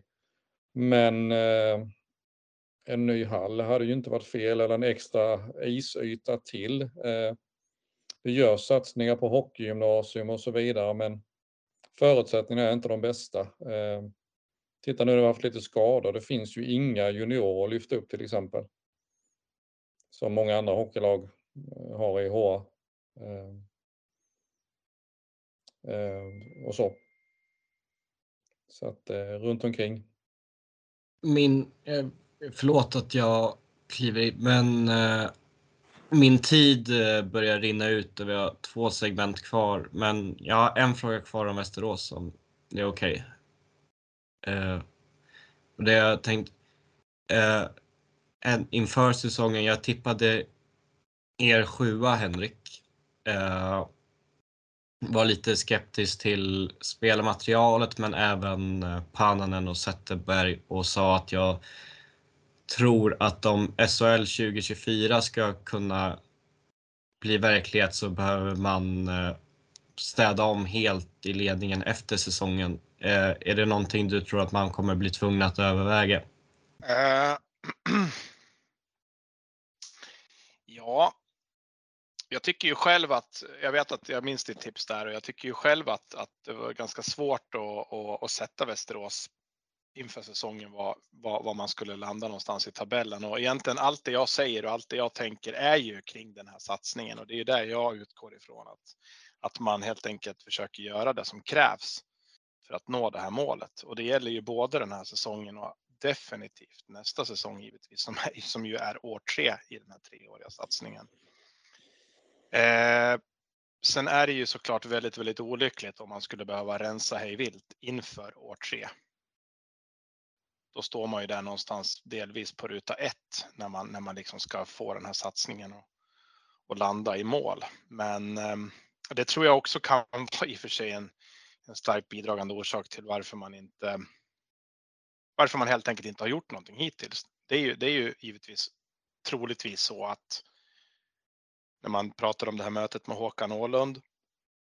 Där blev det ingenting, men där har jag hört att Västerås tackade nej. Det kan ju finnas flera skäl till det. Det är ju definitivt inte jättelätt att, att kanske signa upp en tränare som bara får, vad blir det då, fem, sex månader på ett kontrakt. De som är lediga nu, de flesta vill väl säkert, säkert ha ett, ett kontrakt över åtminstone den här säsongen och hela nästa. Så för att svara på frågan, ja det kan absolut bli så. Mycket, mycket, mycket hänger ju på hur, hur de här närmaste månaderna kommer att utspela sig såklart jag tror att eh, i och med att det inte har hänt någonting hittills så kan det mycket väl vara så att man hankar sig fram utan att, utan att byta tränare. Om man eh, någonstans i alla fall behåller den här positionen man har nu. Sexa, sjua någonstans. Eh, och att man istället försöker att göra rejäla rockader på spelarsidan. Då. Men det är jättesvårt att säga faktiskt. Sen är ju trycket utifrån givetvis också en, det är ju massivt alltså. Det är inget snack om det. Jag är med på sociala medier både på överallt och känner folk och så vidare. Och det, är, det, är, det är inte enkelt när, när stormen börjar blåsa upp alltså. Det, så är det. Man ska som, som är styrelse då, man, man ska någonstans stå och väga de här besluten mot varandra. Vad man ska göra och det, det, går att ropa hej vilt att alla ska avgå och så vidare, men det är inte så enkelt när, man kom, när det kommer till kritan. Det, jag, jag kan också se det som en kanske lite, lite nackdel i Västerås organisation. Det är att man inte har en klubbchef.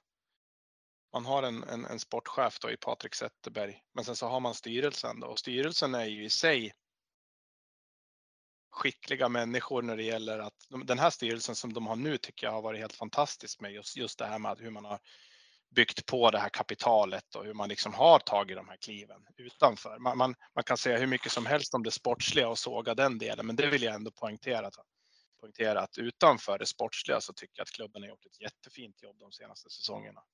Men man har kanske inte den här. Om vi nu leker med tanken här att man skulle skicka Patrik Zetterberg då, som sportchef. Vem ska rekrytera nästa sportchef då?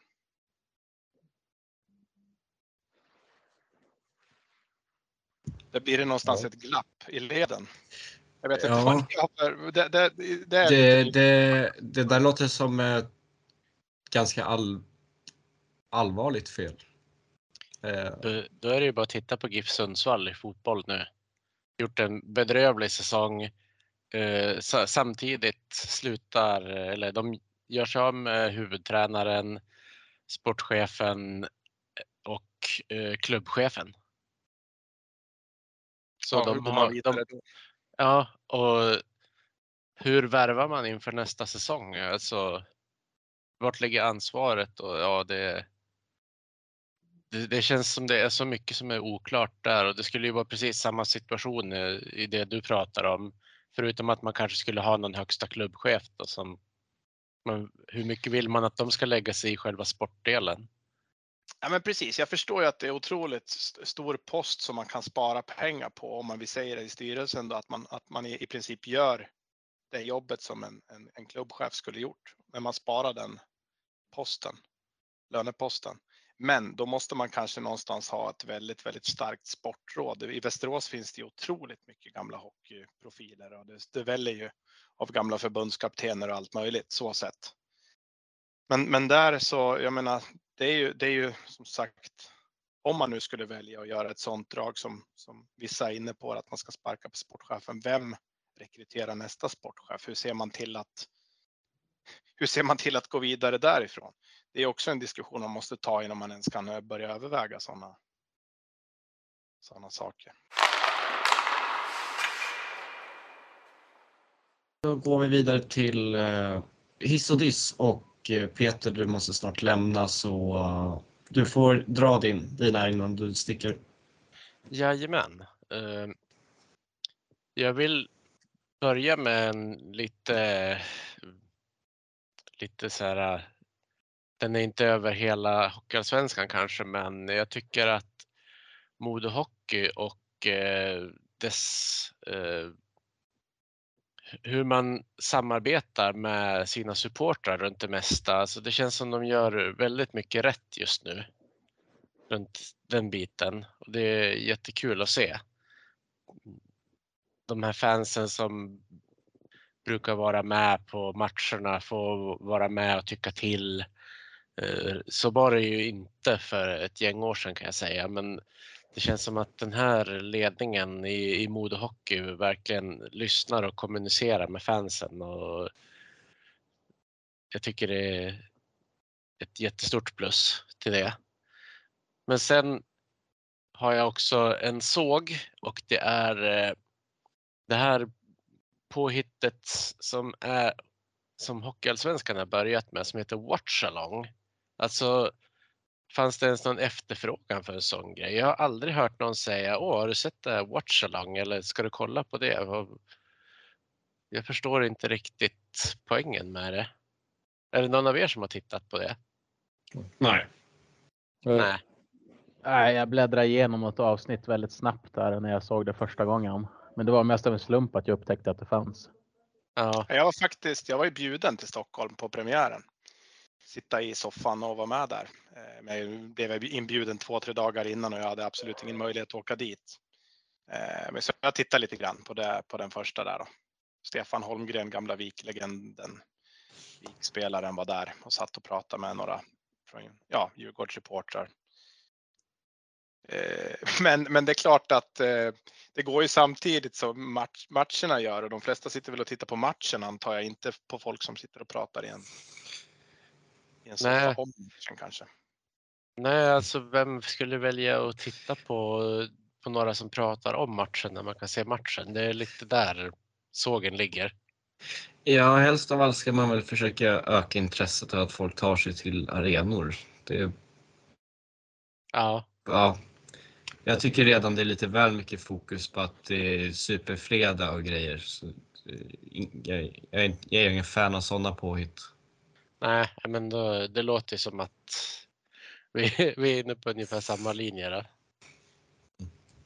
Men eh, då får jag säga tack för mig grabbar. Det varit jättekul att sit- sitta och prata hockey och jag hoppas vi får chansen igen eh, lite tidigare än det har dröjt mellan de här två avsnitten.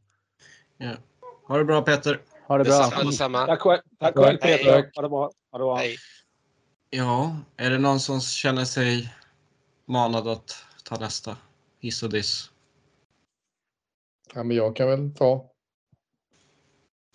Eh, min diss det är ju den där bangern som var nere i Kristianstad ishall mellan Kristianstad och Tingsryd. Den har du och jag Thomas diskuterat mycket. Ja. Den för mig personligt så, nu var jag, jag bor ju i Kalmar som ni vet med det för Kristianstad och jag var nere på plats och satt med dig Thomas och tittade och vi var otroligt taggade och fick se en spännande match men den dödade mitt hockeyintresse och sug för hockeyn under rätt så många veckor. Men eh, nu börjar det komma tillbaks igen. Tråkigt att sånt händer. Jag hade ju samma eh, diss, men eh, vi Ja. får inte ha samma, eller, eller hur är det? Eller hur är det Adam? Eh, först ska vi... Har du någon hiss Andreas? Ja, det är egentligen inget så direkt om Hockeyallsvenskan. Det är väl eh, egentligen eh, hela Hockeysverige, hur eh, de otroligt fina hyllningarna till Börje Salming som har varit runt om i alla arenor. Med tysta minuter och så vidare. Det är min hiss. Fina hyllningar för en, en fin människa och hockeyspelare. Yes. Eh, du kan väl försöka fundera ut någon diss, Thomas. Eh, um, men om jag tar nästa då så... Eh, eh, min hiss får bli Modo. Eh, jag tror de har säkrat seriesegern. Det, antingen behövs det att de går in i någon form av ras eller att något, eller något topplag skulle gå som tåget verkligen och slå dem i alla sina inbördesmöten, vilket jag ser som väldigt osannolikt. Och frejdig, underhållande hockey. Eh, jag ser väldigt fram emot nästa onsdag nästa vecka. Jag hoppas kunna åka upp till Örnsköldsvik och se, enligt mig, det bästa offensiva laget mot det bästa defensiva. Eh, Diss handlar också om Modo. Eh, ja, i, de här korttidslånen mellan lag i samma liga. Jag verkligen avskyr det. det jag är redan emot korttidslån från SHL. Eh, det, men det känns ännu värre inom samma liga. Det, det ger ett jättedåligt rykte för HA. Det, det är säkert bra i, i, för Modo i stunden att bli av med dem och kortsiktigt även för de klubbarna. Men jag, det, för ligan är det inget bra om sånt sker. Eh, det, det ger ett väldigt oseriöst intryck.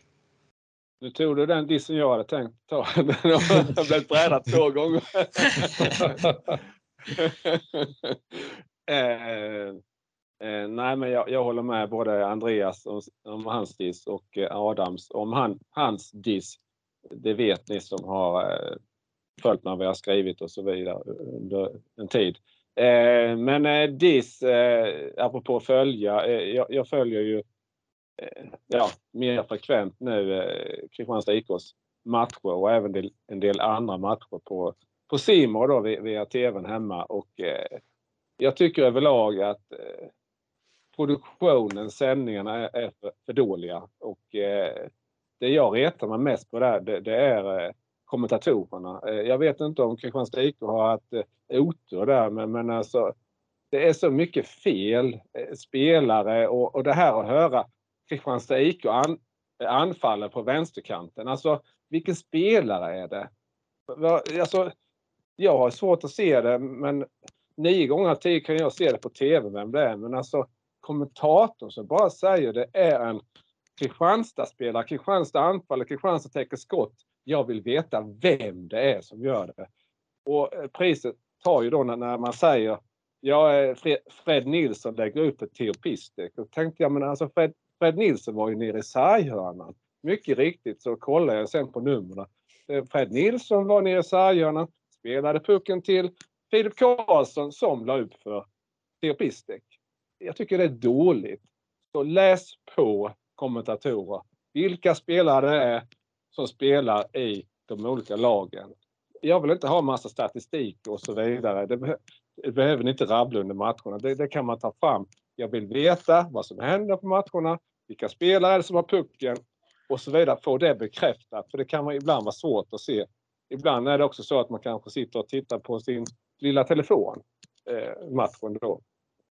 Så det, min disk går till eh, Simons sändningar och i synnerhet då kommentatorerna.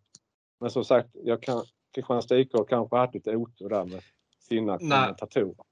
Nej, Jag, nej, jag, jag tror otur i- i och med det att ni nästan aldrig får några huvudsändningar, men alla de här matcherna när det är fem minuters försnack, det är, det är sällan det är någon vidare produktion. och det är precis som du säger Thomas, de, de upprepar ju statistik som inte ens är relevant längre. Alltså det, jag vet inte hur många gånger jag har hört att Modo är så dåliga i boxplay och eh, om man kollar sista tio matcherna så är de inte det. Men de var det jättemycket i början av säsongen och så fortsätter de bara mata. Mata, mata, mata. Man blir bara less. Ja. Eh, något positivt jag ska hissa också. Eh, som jag sagt till er eh, kamrater här eh, så, så utan eh, en viss herre så hade jag inte pratat just nu. Eh, eh, jag vill eh, hylla Niklas Wiberg. En fantastisk eh, medarbetare på Svenska fans. Eh, eh, jag eh, hade förmånen att få hjälp av Niklas Wiberg när jag och Max startade KIK enligt far och son. Och i än högre utsträckning eh, fick jag hjälp av Niklas Wiberg att eh, efter lite tvekan här då när jag fick kontakt med, eh, med Andreas här eh, och kände jag att nej, nu vill jag liksom ändå komma tillbaka och göra det här. Och vi var gröna både jag och Andreas. Men Niklas Wiberg, vilken eldsjäl! Alltså vilket engagemang! Alltså han har servat mig med så mycket hjälp, så mycket råd, så mycket lathundar. Allting för att eh, jag och Andreas ska kunna eh, göra det här projektet som vi försöker driva tillsammans då. Eh, KIK enligt Andy och Melin. Så stort tack Niklas Wiberg för allt du har gjort och eh, väldigt tråkigt att eh, du snart ska lämna Svenska fans. Henrik, Johannes, vem är sugen på att ta nästa? Ja, nej, men jag kan köra. Jag, jag, just när det gäller hyllningen där och hissen så, så, kom, så kommer jag kopiera också de fina hyllningarna till Börje Salming där tycker jag. Gjort så otroligt mycket för svensk hockey och det var väldigt fint ändå att han fick eh, att han hann helt enkelt med att få uppleva de här hyllningarna både både hemma i Sverige och på andra sidan så att säga. Så det får bli min hiss. Min diss, eh, så jag, vill, jag vill också lägga till lite grann eh, den här diskussionen som jag hade kring kring Simor. Jag tycker det är jättebra, jättebra både hissar och dissar överlag måste jag säga idag. Jag tror det var du Johannes som pratade om det här med arenaljudet har jag för mig. Ja, jo, det är en grej som jag ständigt, till och med min hund blir upprörd när jag tar. Ja, nej, men det är fruktansvärt alltså. Jag menar, man, man hör någonstans att det kanske är ett fantastiskt tryck i hallen, men sen så är det så nedtonat så man hör, man hör det knappt. Det, det tycker jag är bedrövligt måste jag säga. Och sen samma sak det här med, med, med deras produktioner, att de här som ni säger, de här matcherna som är med fem minuters starttid innan matchen startar. Ibland är det spelarintervjuer, ibland är det, är det tomt bara. Man vet inte det innan på förhand heller. Det finns liksom, jag tycker det är jättemärkligt att, att man liksom inte har en, att man inte gör samma sak varenda gång när det gäller de bitarna kan jag tycka. Och den där jävla trudelutten de har i pauserna. Alltså, eller när de tar fram någon statistikrace. Alltså slopa den, den driver mig vansinnig. Mm. Du är inte ensam. Och sen att det blir så synligt också att kommentatorerna inte sitter på plats när de, när de själva inte vet vad som händer när det blir utvisningar och vad som händer lite utanför bild och så vidare. Eh, men det var egentligen inte min såg, utan min såg det är egentligen faktiskt eh, nu har, det, nu har tabellen, nu tittar jag på tabellen och nu har den rättat upp sig ganska ordentligt, men jag tror aldrig jag har hört typ ordet poängsnittstabell så många gånger som jag hört den här hösten. Redan efter typ när vissa lag hade spelat fyra, fem matcher så skilde det ju. Vissa lag hade spelat typ sju matcher och vissa hade spelat fyra matcher. Jag tycker det är för stor diff för tidigt på säsongen. Att man ska behöva prata om poängsnitt för att någonstans se vart man, vart man landar in i tabellen. Ja. Det var väl eh, säsongen när det var ingen publik, då var det väl, då, och matcher blev inställda, då kunde det liksom skilja fyra matcher, en fjärdedel in. Men, eh, Absolut, och då var ju pandemin ett skäl. ja, men det, nu finns det ingen anledning. Nej, jag förstår år. att man vill köra lite back-to-back möten och spela de här fredag, lördag någon gång ibland. Men, men det får ju inte leda till att det blir så enormt stora. Och sen, sen det här att, som vi också pratade om förra säsongen minns jag, att, att vissa lag har mött varandra klart. Eh, redan kanske 20 omgångar in. Medan man kanske inte har mött vissa lag överhuvudtaget. Den tycker jag vi kan såga lite mer. Ja, det är mycket man kan såga med spelschemat. Du var som sågfrisk du Henke idag. Fick till lite här på slutet. Ja, det är härligt. Jag, jag- måste bara få flika in en som, jag- som jag retat mig på det här med, med poäng. Den här bangern då, eh, matchen som då eh, spelades 28 oktober och sen slutfördes den den 20 november. Eh, alltså, vad gällde under den tiden? Jag vet inte hur många olika förslag på tabeller jag såg. I vissa sammanhang hade Kristianstad fått tre poäng. I vissa andra sammanhang hade Kristianstad IK inte fått tre poäng. Alltså, det måste väl finnas en regel som gäller. Simor körde sitt race, Hockeyallsvenskan körde sitt race och Stats Svea Hockey körde sitt race. Alltså helt obegripligt. Man kom överens om vad gäller. Inte många olika. Det berodde alltså på på vilken sajt man tittade på. Vissa sammanhang hade, hade Kristianstad IK 19 poäng och på andra ställen hade man 22 poäng. Skärpning! Det är bra Thomas. Johannes, vad sitter du och väntar på? Julafton. Det är snart dags. Men du kanske ville ha en hiss och des.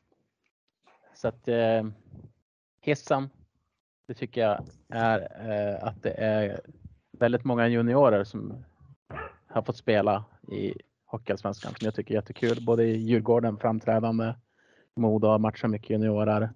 Det är fler lag som har gjort det också.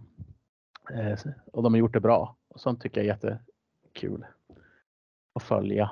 Um, dissen tycker jag ändå är, alltså jag måste ge en släng till domarna. Eh, har ni sett den här avstängningen senast på, eh, var det Heinerö i Mora? Ja, för jag har redan pratat om den faktiskt. Ja, just det, jag missade.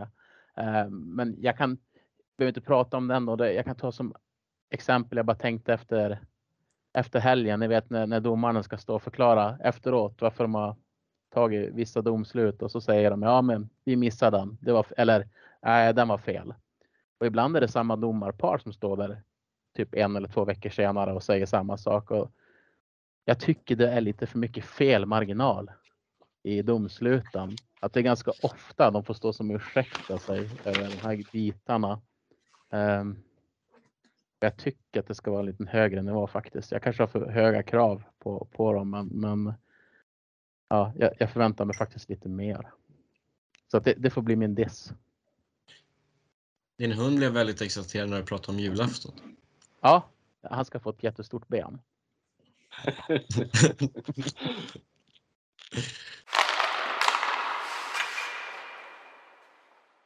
Då kan vi gå vidare till sista segmentet. Eh, H-lineup. Eh, ja, om ingen, om ingen verkligen inte håller med mig så ger jag gärna Mikita Talapilla uppmärksamhet. Eh, tycker han har varit väldigt bra i år. Gjorde en fantastisk dubbelräddning i söndags mot AIK. Eh, när det stod 1-1 i tredje så eh, han har jag gärna med. Absolut, funkar. Mm. Absolut. Men frågan är ju hur många SSK kan vi ha med i, i laget? Eller i line- line-upen? Åtminstone en back i alla fall. Ja. De har ju eh, gått bra så att det är som inte Det är konstigt. ändå, ja, vi har inte haft med en enda och det är ändå åtminstone ett topp tre i ligan på backsidan. Ja, Men- och eh, Kristianstad IK eh, blir varse i, i första matchen. Eller man har ju bara, bara mött eh, SSK eh, en gång hittills. Eh, andra mötet eh, sker ju här imorgon eh, då, eh, onsdag. Men i, i den matchen så var eh, SSKs defensiv riktigt bra. Backarna var riktigt bra. Eh, och det var en back som avgjorde eh, där också i förlängningen, Albin Karlsson. Men eh, jag eh, skulle vilja ta fram eh, Johan Ivarsson istället. Eh, försvarsspelare. Eh, defensiv spelare som eh, ja, på något sätt eh, som Adam säger här. Eh, väldigt starkt defensivt och eh, då vill jag lyfta den defensiva backen Johan Ivarsson. Bästa defensiva backen i ligan säger jag. Men vad vad har ni förslag på an, som andra back? Nej, jag har ett förslag och sen får vi se om ni köper det. Ehm, Mm. Henrik Larsson i Karlskoga. Och kanske mest på grund av de sista 6, 7, 8 omgångarna. Tycker jag att han har växlat upp sitt spel. Mm. Och var det kanske deras bästa back i slutet. Ja. Köper den rätt av. Vad härligt. Eh, Jag får vara nöjd med mina två ssк så jag köper den. Ja, vad bra. Eh, vi har ju haft lite förkärlek, får man väl ändå säga, för eh, offensiva backar tidigare. Så att, eh, I och för sig tvåvägsbackar, men, eh, med lite offensiv eh, väldigt eh, spets också då. Så att eh, Henrik Larsson är, är ju bra både och. Eh, men men eh, eh, absolut, jag eh, godkänner det också. Där. Eh, jag har eh, som lite outsider där Rickard Olsén som har varit grym de senaste matcherna. Men eh, hans tid kommer så att eh, vi kör på Henrik och Johan tycker jag. Ja, forwards då? Ja, nu är väl det Andreas och Henke som måste bränna av varsin. Ja, varsågod Henrik. Nej, jag har, vet inte vad jag har på laget. Nej. Ja, jag vet inte Nej. riktigt. Sitter och letar efter västeråsare, men jag vet inte om de platsar in där riktigt nu. Än så länge i alla fall. Mm. Ja, det är i så fall eh, en KIK då naturligtvis. Eh, sitta här och fundera mellan Pistek eller då Malte Sjögren. Malte Sjögren är ju den som, som vi skriver väldigt mycket om, jag och Thomas, som personifierar klubbhjärtat liksom och man vet alltid vad man får av Malte. Det är inte alltid så snyggt. Men eh, han och jag hade också Olsen på backen. Det är de som liksom har fått igång KK här efter bangersvackan. Så jag säger Malte Sjögren. Eh, jag har ett förslag på center. Eh, Marcus Kryger har ju ändå kommit igång lite på slutet. Absolut. Ja, då är det en plats kvar. Ja, vi har ju en spelare i Vita Hästen som vi inte haft med i de andra två line-uperna. Ja, det... Köper alla det? Eh, vem pratar vi om? Är det Marcus? Ja, Ja. Japp. Absolut. vi får väl säga till efternamn också. Marcus Eriksson. Välkommen i HR-poddens line-up 3. Men det var nog det sista vi hinner med. Det kom in en del lyssnarfrågor men de flesta gällde ju Västerås, vilket vi har täckt en del. Eh, De andra får vi spara till en annan gång. Eh, Har ni någonting sista att tillägga? Nej, men kul Nej, att vi fick ihop det det var- här eh, avsnittet. Det var Ja. ju, vi har ju försökt i en månads tid, va? Kanske ungefär. Mm. Det, det Ja, var väldigt precis det trevligt. jag skulle säga. Ja, verkligen, verkligen. Hoppas att lyssnarna ska uppskatta detta också. Och som sagt, det var inte alls meningen att det skulle dröja så länge, men, men olika anledningar så, så blev det så. Men eh, det var jättetrevligt att prata med er alla kamrater här runt om i Hockeysverige och eh, hoppas att lyssnarna också ska, ska tycka det är trevligt att lyssna på. Ja, kul att alla kunde vara med också. Det är inte ofta det händer. Nej. Nej. Men eh, då får jag tacka för att ni har lyssnat. Så hörs vi förhoppningsvis snart igen. Ha det bra. Hej då!